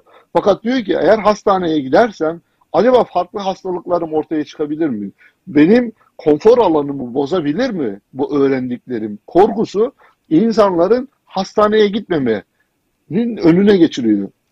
Türkiye'de de Müslümanlar da e, işte muhafazakarlar da AKP'ye böyle sıkı sıkıya bağlı olan insanlar da bir şeylerin normal gitmediğini, bir yerlerde bir hastalığın, bir sorunun olduğunu ve sorunun e, bir yerlerden kaynaklandığını biliyorlar. Fakat sorunun kaynağının kendilerinin inandıkları, kendilerinin adeta taparcasına güvendikleri ve iman ettikleri iman ettikleri zihniyetten kaynaklı olduklarını öğrenme korkusu çektikleri acının önüne geçtiği için onu öğrenmek istemiyorlar. Öğrenseler de gözlerini kapatıyorlar. Bilseler de duymamaklılıktan geliyorlar. Ya da yokmuş gibi davranmaya çalışıyorlar. Yoksa ben zannetmiyorum ki bugün Isparta işte 3 gündür elektrik verilmiyor bu insanlara değil mi? 3 gündür bu insanlar soğukta yaşıyorlar. Soğuktalar, elektrikler verilmiyor. Fakat dün baktım Isparta'da yüzde 38 AKP almış, yüzde 20 e, MHP almış. Yani yüzde 60'ı bugünkü iktidarın zihniyetinde olan insanlar. Fakat Ispartalı benim bugün kutsadığım ya da kendime kurtuluş olarak gördüğüm, yıllardır özlemini çektiğim bir yiğit yok mu? Bizi bu zorluklardan, bu hengameden kurtarsın, ülkemizi güzel yerlere getirsin diyecek biri yok mu dediğinde karşısına biri çıkıyor. Erdoğan kendi gibi konuşuyor. Bazen kabadayı, bazen böyle üstten üstten konuşuyor. Yerinde rajon kesiyor. Yerinde küfür ediyor. Fakat kendisinden bir şeyler buldu ve inandığı birini gördü. Ve buna her şeyini verdi. Bu adam hırsızlık yaptı, zekat almıştır dedi. Bu adam zulmetti, mutlaka bir sebebi vardır dedi. E bu adam e, yolsuzluk yaptı, ya öyle bir şey yoktur, eskiler de yapıyordur dedi. Bu adam uçak aldı, dedi ki e, tabii itibardan tasarruf edilmez dedi. Bu adam saray yaptı, e, olması lazım. Eskiden Osmanlı'nın ihtişamına dönüyoruz. Onu da yapmamız lazım dedi. Fakat sonra geldiğimiz yerde bakıyor ki ya bütün bunlara rağmen, bütün bunlara rağmen bu hastalık tedavi edilmiyor. Hala bir yerlerde komplikasyonlar devam ediyor. Kış gelince elektrik faturası olarak karşısına geliyor. Yaz gelince domates fiyatı olarak karşısına geliyor. Bir yerlerden rahatsız ediyor. Fakat bu toplum ne zaman ki evet ben hastayım ve bu hastalığımın sebebi de aslında benim bugün umut olarak gördüğüm insanlardır demedikten sonra ve o hastaneye gidip ben tedavi olmak istiyorum. Serum mu? Buyurun serum tabii. İğne mi? Buyurun iğne vurun. Hastaneye mi yatmam lazım? Buyurun hastaneye yatayım. Demedikten sonra bu toplum bu şekilde acı çeker, bu şekilde bağırır. Fakat ne zaman ki birisi daha çıkar ya da bir, bir oluşum daha çıkar, hastaneye gidip hastalıklarını öğrenme korkusunun önüne geçirir bu çektiği acıların o zaman o hastaneye gidecektir. Diğer türlü hiçbir şekilde gitmez. Gitmez ve bugün muhalefetin bana uyguladığı politikalar özellikle şunu gösteriyor. Sakın hastaneye gelme. Gelirsen a böyle bir şırınga var. Onunla sana iğne yapacaklar deyip o hastanın hastaneye gelmemesi adına da ne yazık ki elinden geleni yaptığını düşünüyorum. Benim de bu konuyla ilgili yorumum bu. Biz kendimiz yapmıyoruz. Biz inanıyoruz ki bize yaptıran Allah'tır. Bize yaptıran Allah'tır. Allah sizin belanızı versin be. Allah sizin belanızı versin. Biz kendimiz yapmıyoruz. Biz inanıyoruz ki bize yaptıran Allah'tır. Bize yaptıran Allah'tır. Allah sizin belanızı versin be. Allah sizin belanızı versin. Vallahi amin. Amin. Hocam, Fuat Hocam şey ekleyecektim. Bu bazı kentlerde aslında protestolar var. Mesela Doğu Beyazıt, Ağrı, Diyarbakır, Hakkari'de en son dün mesela insanlar protesto ettiler. Yani e, tabii buralar daha politize olmuş kentler. E, daha çok böyle şeylere reaksiyon verebilen, hızlıca tepkisini ifade edebilen kentler. E, historisinden dolayı yani yaşadıklarından dolayı. Ama mesela bilmiyorum daha farklı kentlerde de benzer protestolar var ama bireysel protestoları görüyoruz. E, bu halk yani itiraz etmezse bunun kendi kendine düzelecek bir şey yok. Bir de bir diğer konu da bu kurların aşırı artması, onların enflasyonu doğurması, faizlerin çok düşük olması ve reel faizlerinin negatif olmasından dolayı bu maliyetin halka yükleniyor olması. Bunlar hepsi birbirleriyle alakalı şeyler. Tabii vatandaş bu detayları çok fazla vakıf değil, bilmiyor ve büyük bir kesimi de bilmek istemiyor. Çünkü e, konfor zonu bozulmasını istemiyor, hayatının böyle devam etmesi istiyor. O rakamlarla ilgilenmiyor ama ilgilenmesi lazım. Çünkü ilgilenmezse ona işte elektrik faturası, doğalgaz faturası, işte ekmek parasının e, zam olması, yetersiz ücret gibi sonuçlarla geri dönüyor. Bunların hepsini değerlendirecek bir e, düşünce yapısı da yok. Mesela son günlerde çeşitli e, firmaların işçileri biliyorsunuz eylem yaptılar. Gayet de başarılı sonuçlar elde ettiler. İşte çok garip gelecek BBC Türkiye mesela eylem yaptı. İşte sendikal hakları gereği zamlarını yüksek aldılar. Bazı kamu bankaları, işte bazı özel bankalar çok ciddi zam yaptılar. Mesela İş Bankası personeline %51 ortalama zam yaptı. Fakat e, işte kuryeler mesela toplu eylemler yaptılar ve haklarını aldılar. Böyle bir dalga var. İnsanlar artık bilmiyorum gerçekten e, haklarını mı arıyor yoksa e, sadece kişisel olarak günlük ihtiyaçlarını mı e, gidermeye çalışıyor. Biraz da bu yönden de analiz yapmakta fayda var. Belki bir sonraki yayında bunlarla ilgili detaylı konuşuruz diye düşünüyorum. Teşekkürler Faruk Hocam. Şimdi son bir konumuz kaldı, bir konu başlığımız kaldı. Bu arada da bir buçuk saati neredeyse devirdik programımızda. Ee, gelen mesajlardan anladığım kadarıyla Fuat Bey e, sürekli sen sunucu ol, Asım Bey'den sıkılmıştık diye mesajlar geliyor. Biz bunu değerlendireceğiz inşallah. Bakalım. E, aşağıdan da e, değişik mesajlar geliyor bana. Şimdi e, son konumuz e, manşetimizin e, konusu, manşete çektiğimiz konu. Biliyorsunuz e, Samsun'da bir Atatürk heykelini e, devrilme e, girişimi oldu. E, birileri bir çıkıp e, iple e, devirmeye istediler. Bunun üzerine e, Atatürkçüler, e, Kemalistler e, ve Atatürk'ü seven insanlar e, o heykelin etrafında e, dönmeye başladılar. E, yani e, manşetimizin de başı tamam biz Erdoğan'ın dönmesine alışıktık. E, yani Mavi Marmara'da döndü. İşte Biden'la görüşmeden önce elbette e, biz e, Ermeni meselesini gündeme getireceğiz dedi. Oradan döndü. Yani dönüşleri meşhur e, ve kendi tabanı da e, bu dönüşlere alışık olduğu için reis döndüğü anda hemen ona uyum sağlayan ve bu dönüşten de hiçbir şekilde etkilenmeyen bir kitlesi vardı. Fakat biz e, gördük ki bu dönme işi popüler olunca ve herkes dönüyor. Biz niye dönmeyelim? Denilince e, CHP ve e, Kemalist kesimde e, biz de dönelim. Yani dönmekte bir hikmet varsa bu hikmeti biz de yerine geçirelim dediler ve Atatürk heykelinin etrafında dönmeye başladılar.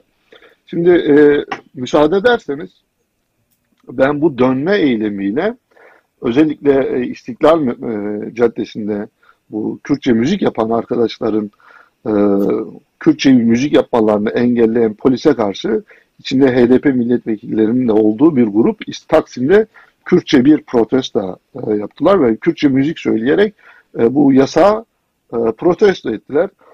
O eylemde kullanılan müzik ile bu dönme olayını bir araya getirerek hem e, Kürtçe müziğe karşı olan bu faşist kafayı hem de e, dönme mahallesine e, yeni giren e, Kemalist kesimi bir araya getirip böyle bir e, klip hazırlamıştım. O klibi izleyelim. Ondan sonra e, yorumlarımıza devam edelim. Yaramın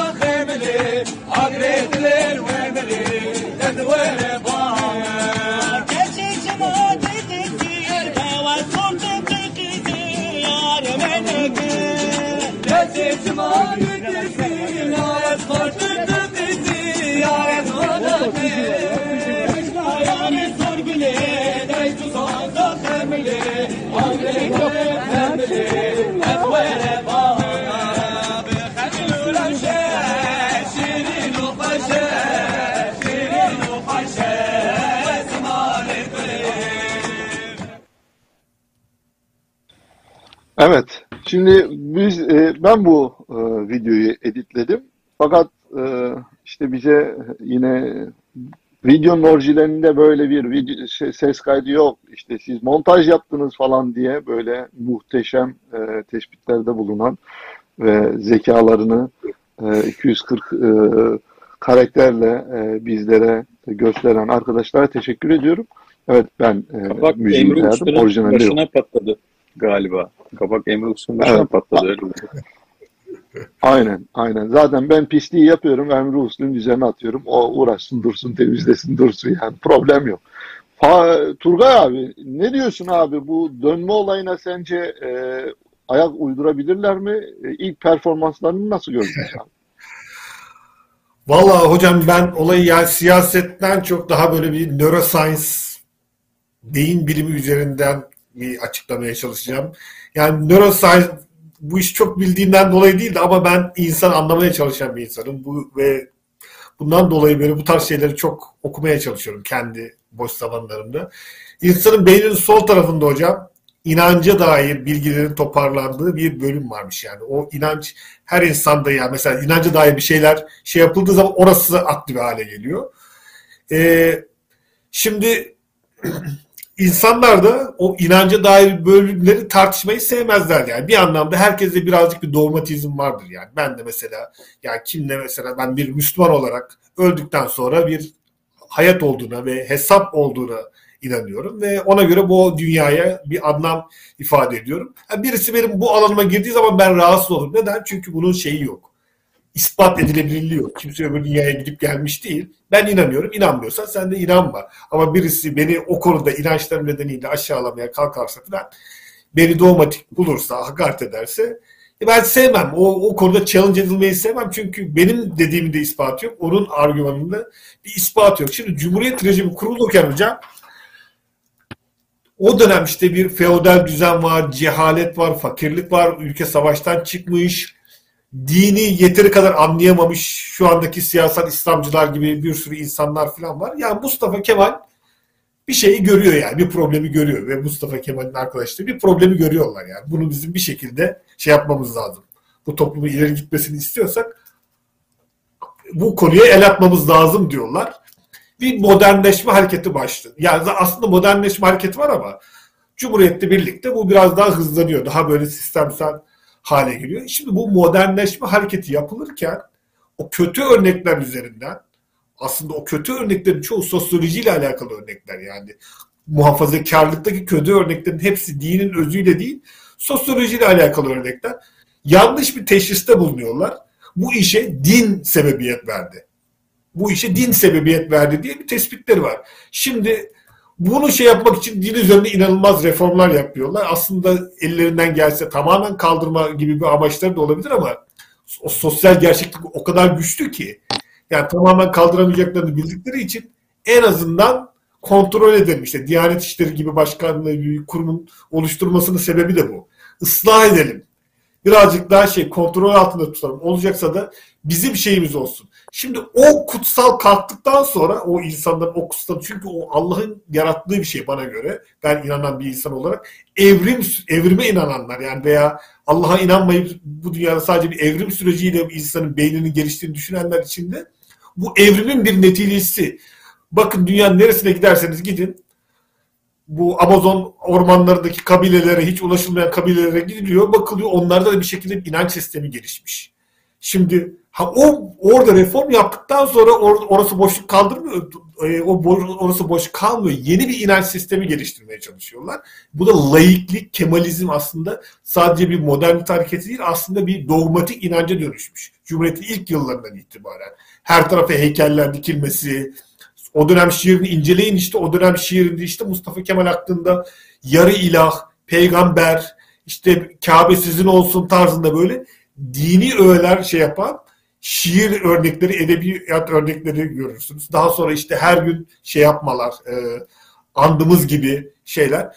E, daha sonra işte Anıtkabir mesela yani yine ülke ekonomik sıkıntı altındayken inanılmaz bir şey yani böyle bir tapınak tarzında şey yapılmış Yunanistan'daki Akropolis'e benzer bir sürü para harcanarak bir kabir yapılıyor Mustafa Kemal için. Şimdi böyle bir dogmatik gerçekliği Türkiye için şey yapmak lazım. Şimdi o dönem o tohuma atılan şeyler şu anda yeşerdi. Yani insanların modernite kaygıları var. Bütün moderniteyi Kemalizmle bağdaştırıyorlar. Nasıl AKP işte internet geldi bizim zamanımızda falan diye ülkede internetin yayılmasını kendiyle bağdaştırıyor. Kemalistler de modernizme ait her şeyi Mustafa Kemal reformlarıyla ve ilkeleriyle şey yapıyorlar. Ve din boşluğundan kaynaklanan şeyleri de o Kemalizm denilen dinimsi bir şey, laik bir din şey yapıyorlar. O, o alana dokunduğunuz zaman tartışmayı kabul etmiyorlar hocam. O alan onların kutsalı. Dokunduğunuz zaman çok aşırı reaksiyon gösteriyorlar. Şimdi burada olan şey nedir? İki tane meczup mu artık ne olduğu belli olmayan şahıs çıkmış ki işte heykele bir şeyler yapmaya çalışmış. E tamam yani buna devlet şey yapar. Sistematik bir devletin şey yok. Buna devlet müdahale eder. Sen de gerekli tepki göstermişsin ama bu olayı sanki dinlerine saldırılmış gibi göstermeli, böyle bir tepki göstermeleri aslında onların dogmatik e, inançlarının da bir ortaya çıkmasının şey e, göstergesi. Şimdi benzer taktikleri kim yapıyor? Benzer taktikleri AKP'liler de yapıyor işte. Bu Gezi'de falan e, cami ayakkabıyla girdiler, şudur budur. Bu tarz böyle bunların bir kısmı da bazıları da doğrudur yani. Tamam camiye ayakkabıyla girip içki içme olmadı ama o dönem ben bazı görüntüler gördüm. İşte caminin kapısına e, şeyleri şey yaparak oturak e, tabi, e, tabureleri falan koyarak orayı kapatıp orayı böyle bir şey olarak kullanma, polisle çatışırken orayı bir üs olarak kullanma tarzında görüntüler ortaya çıkmıştı yani. Şimdi ne yapıyor AKP? Bu olayı alıyor, daha büyük zemine taşıyıp bir e, bu ideolojik savaşta kendi tabanını konsolide etmek için kullanıyor. Şimdi bunun benzerinde en baştaki bu Kemalist kesimi yönlendirmeye çalışan kişiler benzer şey yapmaya çalışıyorlar. E tabanda dediğim gibi tabanda da böyle dogmatik inançlar var. 1930'lardaki Kemalizmin ülkeye dair tüm sorunları çözebileceğine inanç var. Bu din gibi bir şey yani. Yani adam onu ayrıntı olarak incelemiyor. 1930'lardaki bir felsefe şu anda hangi kurumdaki hangi problemi el atsak bunu çözebilir diye bir inanç var. İşte tabanında o şekilde manipüle ediyorlar. Sizin de söylediğiniz gibi bunlar hocam bu münferit örnekler çok arttı yani. Artık her konuda bir şey oluyor. Bir işte tarikat e, şeyinde yurdunda bir şey oluyor. Hemen konuyu köy enstitülerine getiriyorlar. Hemen konuyu böyle Cumhuriyet döneminde tarikatların neden kapatılmış olmasına getiriyorlar. Yani kendilerinin ülkedeki tüm kötülüklerden bu felsefeden ayrılmış olmayı sorumlu tutuyorlar. Aslında o felsefenin olmadı ama çok çok başarılı örnekler var dünyada. Yani dünyada Kemalizm yani Türk bir tek Türkiye'ye özgü bir şey ama Kemalist olmayıp da ama hem dinle hem moderniteyi bir şekilde uzlaştırabilmiş başarılı örnekler var. Bunları görmeyip sadece problemin Kemalizmden uzaklaşılmış olmasıyla olduğunu şey yapan insanlar var.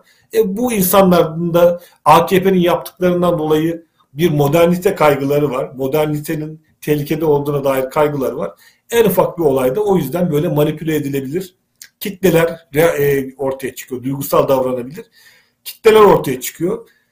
Yani e, bunun şeyi ne? E, bunun problemi ne? Çıkabilir ama benim korkum bu kaygıların yarın bir gün devlet eliyle başka kesimlere dikte edilmeye çalışılması. 28 Şubat'ta bunu yaşadık. Şu anda AKP aynı şeyi devlet kontrolü yapıyor. Eğer yeniden bu layık kesim gücü ele geçirirse yeniden eğitim araç olarak kullanarak beni doktor etmeye çalışabilir. Dönüştürmeye çalışabilir. Yani sadece modernite değil, ideolojik bir modernite. Belli bir ideolojik doktrinin içine girdiği bir anlayışta beni dönüştürmeye çalışabilir. Bu ne demektir? Bu yeni çatışmalar demektir. Yeni çatışmalara ortaya çıkacak demektir. Benim kaygım bu. Ee, maalesef Türkiye kabileler ülkesi. Değişik kabileler birbirlerine karşı birbirini tehdit görüyorlar. Kendilerince bir din anlayışı geliştirmişler. Kendilerince bir kutsal anlayışı geliştirmişler. Ee, Mustafa Kemal de şu anda Türkiye'de en büyük tabu. Yani bu ülkede Türkiye'de Allah'a küfür ederseniz, peygambere küfür ederseniz falan belki başınıza bir şey gelmez. Zaten internette yorumlarda falan bir sürü kişi yapıyor ama bir yerde bir Mustafa Kemal ile ilgili olarak birazcık sert bir eleştiride bulunun. Yani çok ciddi şekilde halen AKP döneminde de halen başına ciddi şekilde belaya girer. Bu şu anda Türkiye'de en büyük tabu bu. O tabuya bir iki meczup müdahale etti diye e, ülke gündemi değişti. İşte bu ülkenin ne kadar e, hastalıklı şekilde, her şeyin hastalıklı bir şekilde geliştiğini bence bir göstergesi, bir bireysel örnek. Daha bu tarz örnekler, bu tarz toksik bir siyasi ortamda çok görürüz hocam. Bunları diyeceğim. Teşekkürler Turgay Hocam. Murat Bey siz de devam edelim. Bir ilahiyatçı, doktor, eğitimci olarak e, bu dönüşün e, kalıcı mıdır hocam bu? Bir defa dönerek biter mi yoksa bu devam eder mi? Siz nasıl yorumluyorsunuz hocam? Bir de genel olarak bu, bu, bu devam hani, eder. E, sizdeki sizdeki hocam, sizdeki çağrışımı nedir? Pardon bir de Murat hocam 41 kere dönmek e, etval midir yani? Onu da merak ediyorum. Ya ben esas tam bu pagan kültürü üzerinden e, değerlendireceğim biraz biraz da e, yani biraz ironi var içeride. Yalnız baştan şunu söyleyeyim. Ya Atatürk e, benim naçiz vücudum elbet bir gün toprak olacaktır şeklinde başlayan cümlesinde kendisinin bir fani olduğunu, e, ölüme inandığını, e, işte imamlarla, hocalarla, diyanetle, e, din hocalarıyla kurduğu, yaptığı ilişkilerde de bir Müslüman olduğunu biz görüyoruz. Başta bunu söyleyeyim. Demek ki burada bu kişinin heykelleştirilerek Atatürk'ten daha fazla bir şey yapılmaya çalışılması bir gerçek ortada yani. Bir kere bunu kabul edelim. Ya bir şey bir, yani Atatürk'ü aşan buyur hocam. Murat hocam yani o heykelleştirmeye çalışma Atatürk sonrası bir dönem değil yani. Tamam Atatürk sonrası artmıştır da bu Samsun'daki heykel mesela bizzat o dönem Atatürk'ün yaşadığı dönemde Avusturya, Avusturyalı bir mimara e, heykeltıraşı yaptırılıp getirilmiş bir şey. Ankara Ulus'taki heykel olsun. Yani Atatürk kendi zamanında aslında bu heykel işine ilk başlıyor saray yani. Bunu, Turgay Hocam ilk saray bunu kendisi açılacak katılıyor Sarayburnu'daki. Yani şey tabii, e, tabii. O, o Atatürk'ün yani bu konularda hiç dahil yok. Hayır Atatürk bizzat o anlayışın gelişmesi için aktif bir şekilde çalışmış bir insan yani. Bunu tabii daha sonrakiler daha da abartmış olabilir. Ama bu gerçeği de not etmek lazım hocam. Yani Samsun'daki heykel Atatürk sonrası yapılmadı yani. Evet. Şimdi e, ya zaten tarihi historical oluşu oraya yapılan suikast da bunu gösteriyor. Ben şunu kastettim. Mesela Allah korusun şu anda Türkiye yerle bir olsa yani komple yerin dibine bassa komple 100 yıl sonra da insanlar gelse burada antropolojik, e, paleontolojik araştırmalar yapsa her yerden bir Atatürk büstünün çıktığını görse şöyle bir kanıya kapılacaklar. Ya herhalde bu adam bunların tanrısıydı şeklinde ya da önemli çünkü her yerde o çıkacak yani. Her yerde var. E, biraz buna göndermede bulundum ben. Şimdi e, dedim ya biraz pagan kültürüyle ilintili olarak ben bir şeyler söyleyeceğim. E, bu arada şunu biliyor musunuz bilmiyorum. İngiltere'de Manchester'da bir müzede kendi etrafında dönen bir heykel var arkadaşlar. Neb Sanu adını taşıyor bu e, heykel ve 30 santim boyunda. E, Milattan önce 1800'lü yıllara ait heykel. Heykelin e, şeyi de e, merkezi de geliş yeri de Mısır. Mısır kökenli yani heykel. Heykel 360 derece kendi ekstra, ekseni etrafında dönüyor. Normal bir camın üzerinde duruyor heykel. Ama bu zamanla bunu yetkililer gözlerine inanamamış yani farkına vardıklarında. Heykel kendi içerisinde dönüyor. Önce bir fizikçi bunu ya bu heykelin altındaki pürüzsüz alanla cam arasındaki e, herhalde sürtünmeden kaynaklı olduğunu düşünüyor ama mevzunun öyle olmadığı anlaşılıyor. Şimdi e, buradan bir pagan kültürüyle ilgili bir şeyler söyleyeceğim. Eski Mısır'da mumyaların ayak ucuna heykeller konulmuş arkadaşlar. Ve şöyle inanılır buna da mumya yok olursa sahibinin ruhunu öbür tarafa onlarda da ahiret inancı vardı. Bizim kişi gibi değil tabii ki. Öbür tarafa bu heykel taşıyacakmış. Onun için ölen kişinin o mumyanın ayaklarının ucuna e, bir tane heykel konulmuş. E, ve bu sebeple eğer heykel e, mumya oradan yok olursa heykel hareket eder ve bu burada bir tehlike olduğunu e, sezer. Onun ruhunu, mumyanın ruhunu alır, ahirete götürürmüş. Şimdi Mısır bilimci Price, bu müzede de çalışmalarda bulunuyor bu kişi. Müzenin ve heykelin lanetli olduğuna kanaat getirmiş arkadaşlar. Ya bu, bu durumdan dolayı. Çünkü eğer mumya çalınırsa eski Mısır kültüründe orada bir lanet vardır.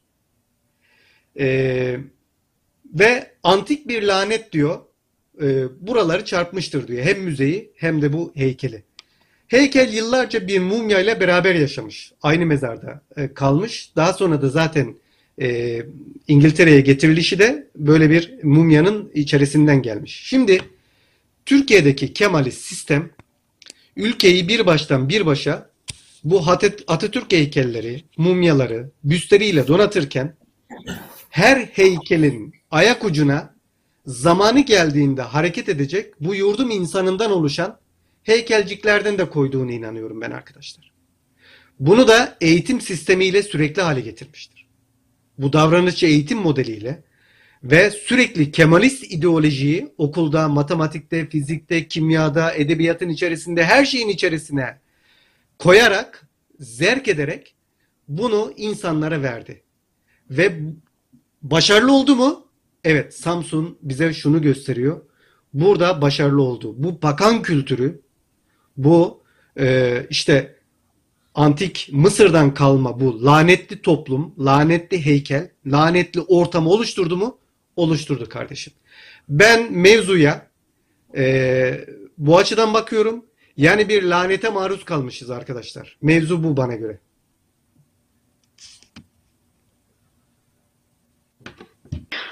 Faruk Hocam siz ne diyorsunuz? Faruk abi? Ben yani çok fazla söyleyecek bir şey yok. Ee, Türkiye'nin kurucu liderinin bu kadar e, pardon abi bana bir dakika müsaade eder misin?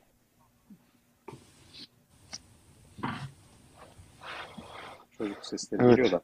Ee, Türkiye'nin kurucu liderinin hani bu kadar kutlaştırılmasını, simgeleştirilmesi ve onun etrafında bir felaket ya da bir iyilik üzerinde çok fazla simgeleştirilmesi tabii rahatsız edici. Türkiye Cumhuriyeti sonuçta e, belli kurucular tarafından kurulmuş. Ne diyorlar yabancılar? Founder yani. Türkiye Cumhuriyeti'nin founder işte Mustafa Kemal Atatürk ve silah arkadaşları. Kalkıp bu hani kendi sağlığında tabii Turgay Bey ile Murat Bey'in dediği gibi e, kendi anıtlarının yaptırılması o günkü e, zamanın ruhuna uygun olabilir. Belki o gün böyle bir akım vardır evet. Ve Türkiye Anadolu toprağında henüz hiçbir liderin böyle simgeleştirilmediği veya bir e, tabu haline getirilmediği veya bir yüce bir makama atfedilmediği bir dönemdi o dönem. Herhangi bir padişahın da öyle bir büstü yoktu veya ne bileyim simgesi yoktu. Türbeleri vardı zaten. Türbenin de hani bizim hem kültürel olarak hem dinsel olarak yerini biliyoruz. Yani o çok yüceltilecek bir makam değil. Zaten çoğu mütevaziydi. Daha sonra bunlar süslendi. Gelen bir öncekinin türbesini büyüttü falan. Yani daha insanlar sağken padişahlar cami yaparlardı. İşte biliyorsunuz imarethane yaparlardı veya külliye yaparlardı. Bu şekilde e, kendilerini simgelerlerdi. Fakat modern dünyaya adapte olmak isteyen e, Türkiye'nin kurucu babaları e, modern dünyada ve Yunan kültüründe var olan Murat'ın da bahsettiği işte Mısır'dan gelen ama Yunan kültürüyle betimlenmiş olan ve Avrupa'da Amerika'da gördüğümüz gibi anıtsal yapılar ve anıtsal sonradan hatırlatıcı unsurları pekiştirmek istediler. Bunun için de bir sistematik çabaya girdiler. Ee, hani ben demiyorum sadece tek başına Mustafa Kemal Atatürk böyle bir şeye karar verdi. O zaman belli bir e, ortak akıl vardı. Bu ortak akılın içerisinde kurucu 7 tane orgeneral, o zaman şu Kurtuluş Savaşı'nı yöneten ve diğer unsurlarıyla, işte fikir babalarıyla, Kafkaslardan göçenler, Balkanlardan göçen belli başlı fikir adamlarının da beraber oluşturduğu bir konsensüs vardı ve Türkiye Cumhuriyeti'ni e, kurulurken belli bir konsepte oturmak için bu tür faaliyetler yapıldı. Tabii e, ilk etapta ne kadar Müslüman veya ne kadar e, dindar bir insan diye kurucuları kutsiyet atfettiğimizde aslında bir yanılgıya da düşebiliriz. Çünkü o dönemlerde aynı kişiler e, çeşitli olumsuz e, açıklamalar da yapıyorlardı. Ve bu çeşitli olumsuz açıklamalar dine karşı yapılıyordu. Ve bu insanların da dogmatik şeylerden e, arınması, o farazi yani göz önüne gelmeyen e, farazi şeylerden bir şekilde arınması isteniyordu. E, böyle olunca da e, insanlara başka bir hedef verilmesi gerekiyordu. İşte Akropol benzeri bir anıt mezarı daha sonra yapıldı. Biliyorsunuz Atatürk sakin yapılmadı. E, ne kadar yıl sonra yapıldı bileniniz var mı? Baya geç bir süre sonra yapıldı. E, işte yine, yine Atatürk'ün kendisi vefat ederse e, işte toprağın, e, vücudunun, bedeninin toprak olacağını ama fikirlerini yaşayacağını imgeleyen e, işte eserler ve işaretler koyması gerekiyordu Türkiye'nin dört bir yanına. İşte Diyarbakır'da da bir heykel yaptırabiliyordu, Iğdır'da da yaptırabiliyordu. Ama kendini seven ya da ona daha çok destek olan kesimlerde daha çok bunu simgeleştiriyordu. İşte Samsun bir tarihsel simge olduğu için daha sağken çok ünlü e, sanatçılara yaptırılan bir eser bu. E, aslında güzel bir heykel yani heykelcilik açısından bakarsak korunması gereken bir heykel. E, ama hani meczupların saldırması ve bunu manipüle etmesi ayrı bir konu. Bunu daha farklı tartışmak lazım. Yani burada Atatürk'ün simgesel bir özelliğine indirgemeden meczupların gidip oraya bir halat atması, yıkamayacakları bir şey yıkıyormuş gibi poz vermeleri, akabinden insanların orada toplanıp bir beşinci kol faaliyetine, bir istihbarat e, faaliyetine katılmaları ve insanların provoke daha pahalı bahane ederek çıkması şeklinde gösteriyor. Bir yandan da işte belli kesimleri, seküler kesimle AK Parti tabanını karşı karşıya getirecek bu Samsun provokasyonu tarzı eylemler e, besleniyor. Bence bunun altında, Murat da bana katılacaktır bunu tartışmıştık onunla. Bunun altında çok daha derin mesajlar içeren ve amaçlar içeren bir takım olgular var. Bu seçim sattım haline girdi Türkiye. Herkes erken seçim mi olacak diye soruyor. Artık erkeni kalmadı. 18 ay kaldı yani seçimlere. Ve bu seçim sattım halinde yapılacak en güzel şey halkı e, işte kin, düşmanlık ve nefretle birbirine düşürmek, AK Parti tabanını daha da konsolide edip işte sıkı sıkıya tutmak ve artık bu hayat pahalılığını şunu bunu bahane etmelerinin önüne geçmek ve bir şekilde işte bak görüyorsunuz bunlar böyle ya bugün böyle yapıyorlar yarın size şöyle yapıyorlar diye o argümanı geliştirmek belki de daha öteye taşıyıp olayı kanlı bir sokak çatışmasına da çevirebilecek bir e, gizli niyeti olduğunu düşünüyorum ben bu gelişmelerin. O yüzden buraya bu perspektifle bakmakta fayda var. Yani bizi ilgilendirmiyor yani Mustafa Kemal Atatürk'ün anıtının e, iyi olması, güzel olması, tarihsel süreç içerisinde onun yapılmış ve topluma mal olmuş olması kısmı farklı bir konu yani. İlgilendiriyor tabii ki de bunu tartışıyoruz ama bence konunun asıl mihenk taşı bunun toplumun hassas olduğu noktaları kaşıyor olmaları ve e, önümüzdeki dönemde bu 18, 17 belki de 15 aylık seçim sürecinde satım halinde bu olaylar nasıl provoke edilecek? Yarın öbür gün Konya'daki bir anıt yakılacak mı? Malatya'daki mevcut anıt, e, İnönü anıtı halat takılıp yere sürüklenecek mi? Bence bunlara odaklanalım. Çünkü bunlar potansiyel e, provokasyonlar. Yani bunlar olabilecek provokasyonlar. E, buralarda e, olmak lazım diye düşünüyorum. Teşekkür ederim. Teşekkürler. Ee, son 8 dakikamız kaldı. Ben de bu konuyla ilgili yorumumu yapayım. Ee, benim gördüğüm e, iki şey var. Birincisi e, iç politika ile ilgili sanki e, özellikle AKP'nin e, 15 Temmuz ya da daha öncesinden 17-25 Aralık'tan sonra cemaati bitirmek için e, anlaştığı ya da işbirliği yaptığı kesimlerin artık e, bu ortaklığın bir noktada sonuna doğru gelindiği, Erdoğan'ın e, pastanın hepsi benim e, dediği ve Erdoğan'ın da hepsinin alabilecek e, kabiliyette ve güçlü olduğunu gören bu ortaklarının bir kavga içine girdikleri kanaatindeyim. Özellikle birin, bunun birinci işaretini e, Ergenekon davaları ve Balyoz davalarında Yargıtay'ın bunu kararları iptal etmesi, tekrar e, göndermesi. İkincisi de Gökhan Nuri Bozkır'ın e, Türkiye iadesinden sonra özellikle e, Havlevitoğlu cinayeti e, meselesi üzerinden e, acaba e, gerçekten bu cinayeti işte cemaate yamamaya çalıştılar ama e, Erdoğan'ı biliyorsunuz e, işte çok çabuk satar, çok çabuk döner. E, onun üzerinden ona neler söyletilecek, neler anlatılacak bilemiyoruz biz bu adama. Nelere imza attıracaklar bu adama bilemiyoruz. Bana öyle geliyor ki e, bu ulusalcı özellikle e, Doğu Perinçek e, ekibi demeyeyim fakat ulusalcı ve Avrasyacı kesimine e, ve MHP'nin de bir kısmının e, çünkü Erdoğan'ın şu anda MHP'den kurtulmaya çalıştığı kanaatindeyim. Çünkü sırtında bir yük olarak duruyor. Kürt meselesiyle ilgili adım atacaksa sırtında yük olarak duruyor. Ya da Avrupa Birliği'ne, Amerika'ya gittiği zaman Süleyman Soylu hemen e, bir açıklamada bulunup Amerika'yı kötülüyor. O nedenle e, benim gördüğüm bu özellikle e, toplumda e, yani kendilerinin tabanını bir araya getirecek ne var? E, Atatürk ve Kemalizm meselesi var.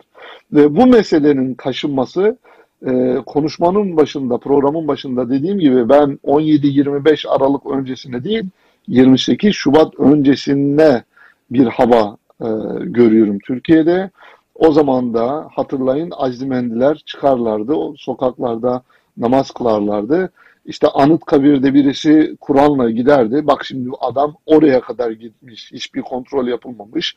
O meczup bulunamamış. Mozole'ye e, bırakırken çelengi oradan birisi çıkıp sizi e, Kur'an'a davet ediyorum deyip oradan Atatürk'e karşı bir saldırı olduğunu ifade ederek bunu e, işte özel harekatlar, devletin bu kesimlerinde e, profesyonel insanlar çok güzel yapıyorlar. Atatürk heykeline de e, yani Atatürk özel heykeline yapılan bu evet evet evet özel harpçiler. Bu saldırının da aslında yıkmak amaçlı değil. Yani adam gidip yani tamam gerizekalısın bir şeyden anlamıyorsun ama eğer bir heykeli yıkmak istiyorsan en yukarısındakine ipi takarsın, çekersin ki daha rahat e, devrilsin. Gidip ayağına takıp bu heykel yıkılmasın diye böyle bir elimin içine giriyorsun ve hemen ardından hazırlanıp e, bu mesele şeye dönüyor. İşte Atatürk'ü saldırıldı, Kemalistler tekrar ayağa kalktı. E, bizim tek kutsalımız var. işte Kemal Atatürk buna yapılan karşı yapılan bütün saldırılara karşı müdafaa edeceğiz diyerek bence öbür tarafta Erdoğan'ın bu hamlelerine karşı biz de bu şekilde oyuna müdahil oluruz. Bu şekilde toplumun e, kılcallarını harekete geçiririz. Biz de bu şekilde bir e, eylemin içine gireriz diye düşünüyorum. Dönme meselesine gelecek olursak ve e, sizin konuştuğunuz heykel meselesine gelecek olursak e, bir kere Kemalizm Atatürk'ün vefatından sonra ortaya çıkmış bir mesele.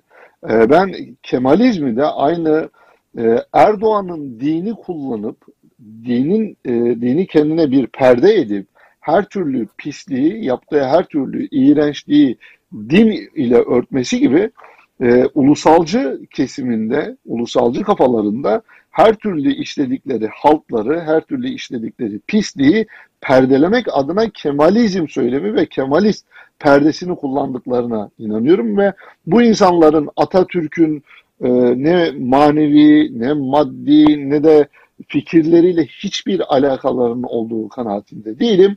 E, ve eminim ki e, biz burada e, Kemalistleri konuşurken de e, arkadaşlar şunu, Atatürk'ün e, bu ülkenin e, işte cephelerinde kan dökmüş, ter dökmüş, bu ülkenin hizmeti için elinden geleni yapmış, bu ülkeye faydası olmuş bir insandır. Fakat din nasıl bir e, araç haline getirildiğinde e, AKP rejimini görüyoruz, iğrenç bir hale gelip e, bütün pisliklere bir perde haline getiriliyorsa, çünkü din bir kutsaldır ve insanlar o kutsalda e, fren yapma ihtiyaçları duyarlar.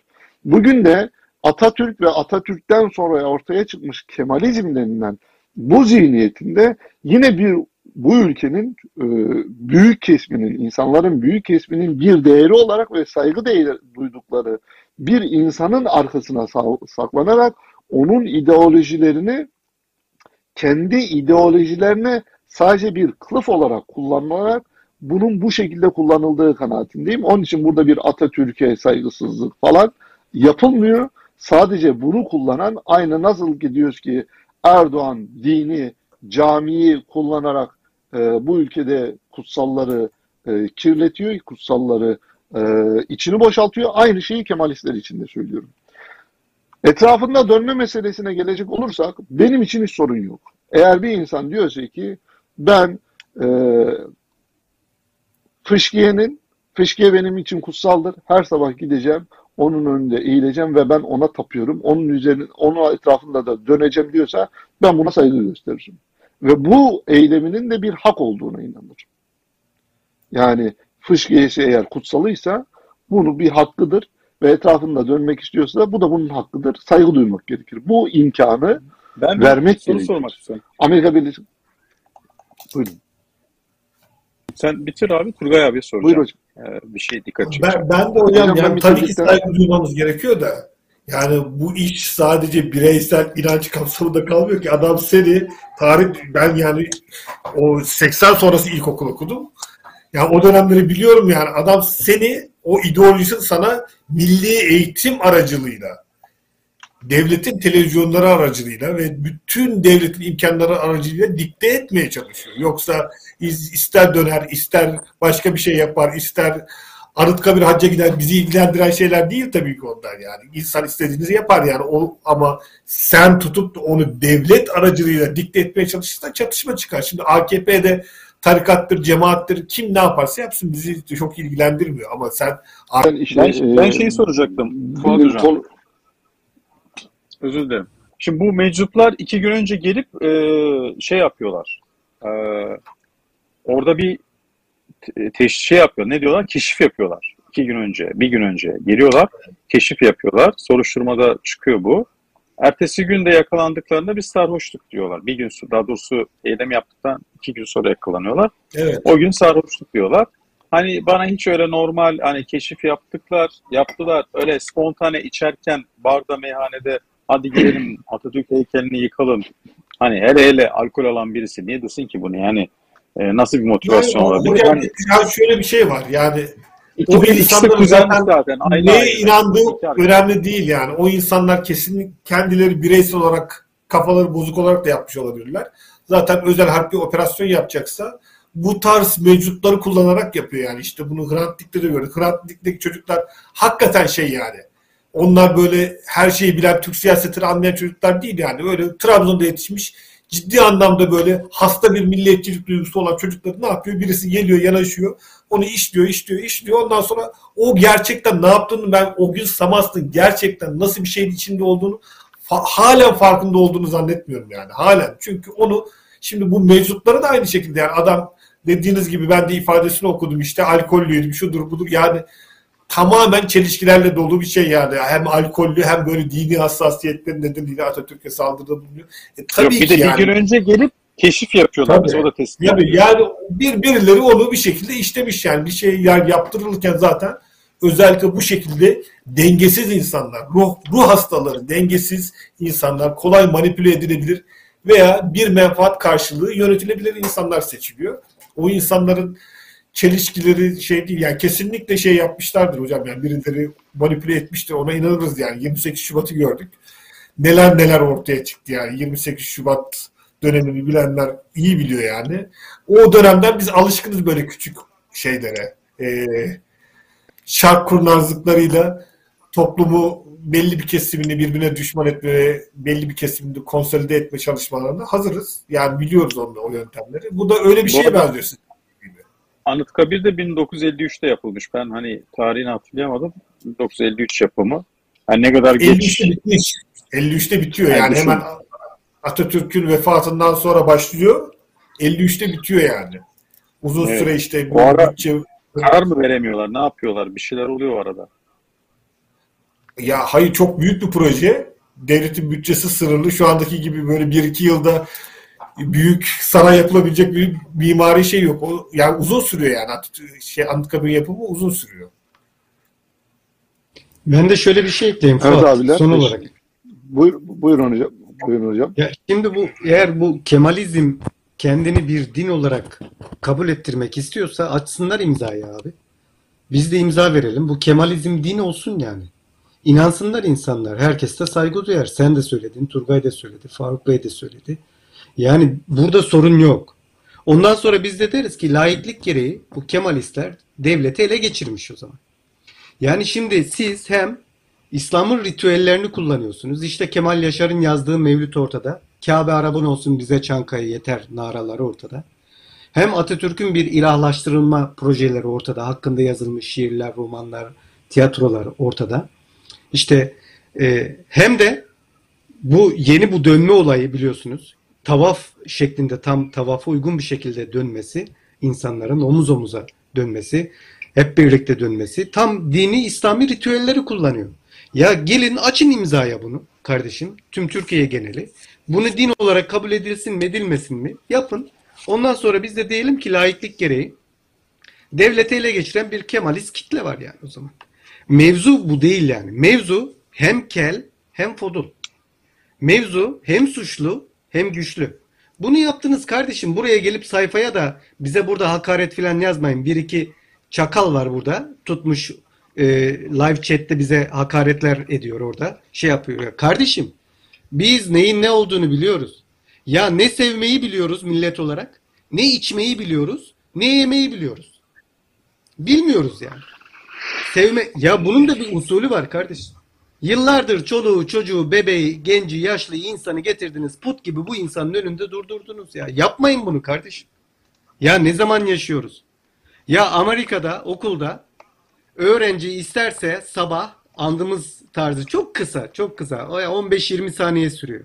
Onu isterse oturur yerinde dinler, isterse kalkar ayağa. Kimse bir şey demez. Suçlamaz insanlar. Gel bakayım sen bugün 10 Mayıs'ta bir hareket et nasıl dayak yersin? Yemedi mi kardeşim? 10 Kasım. Yemedi mi kapalı çarşıda? Evet 10 Kasım'da. Evet arkadaşlar, e, değerli görüşleriniz için e, teşekkür ediyorum. Yorumlarınız için teşekkür ediyorum. 3 saat, 2 saat 6 dakika oldu. E, Bugünkü programımızı da bitirmiş olalım. E, Evet, bizi izlediğiniz için e, kritik yorumda bu hafta e, Asım Yıldırım Bey rahatsızlığı nedeniyle e, katılamadı. E, Bu hafta ben size e, programı sunmaya çalıştım. Değerli Fuat dostlarla beraber, neler yaptı? arkadaşlarla beraber. Evet. Ee, inşallah e, gelecek hafta Asım Hocam da e, iyileşmiş olur ve bu programa e, Asım Bey'in katılımıyla e, gelecek hafta da yeni konu başlıklarıyla tekrar bir araya geliriz. Herkese iyi zamanlar diliyorum. Kendinize iyi bakın. Turgay Ee, Hocam teşekkürler. Turgay. Sağ olun hocam. Beni Teşekkür ederim. davet Thank you.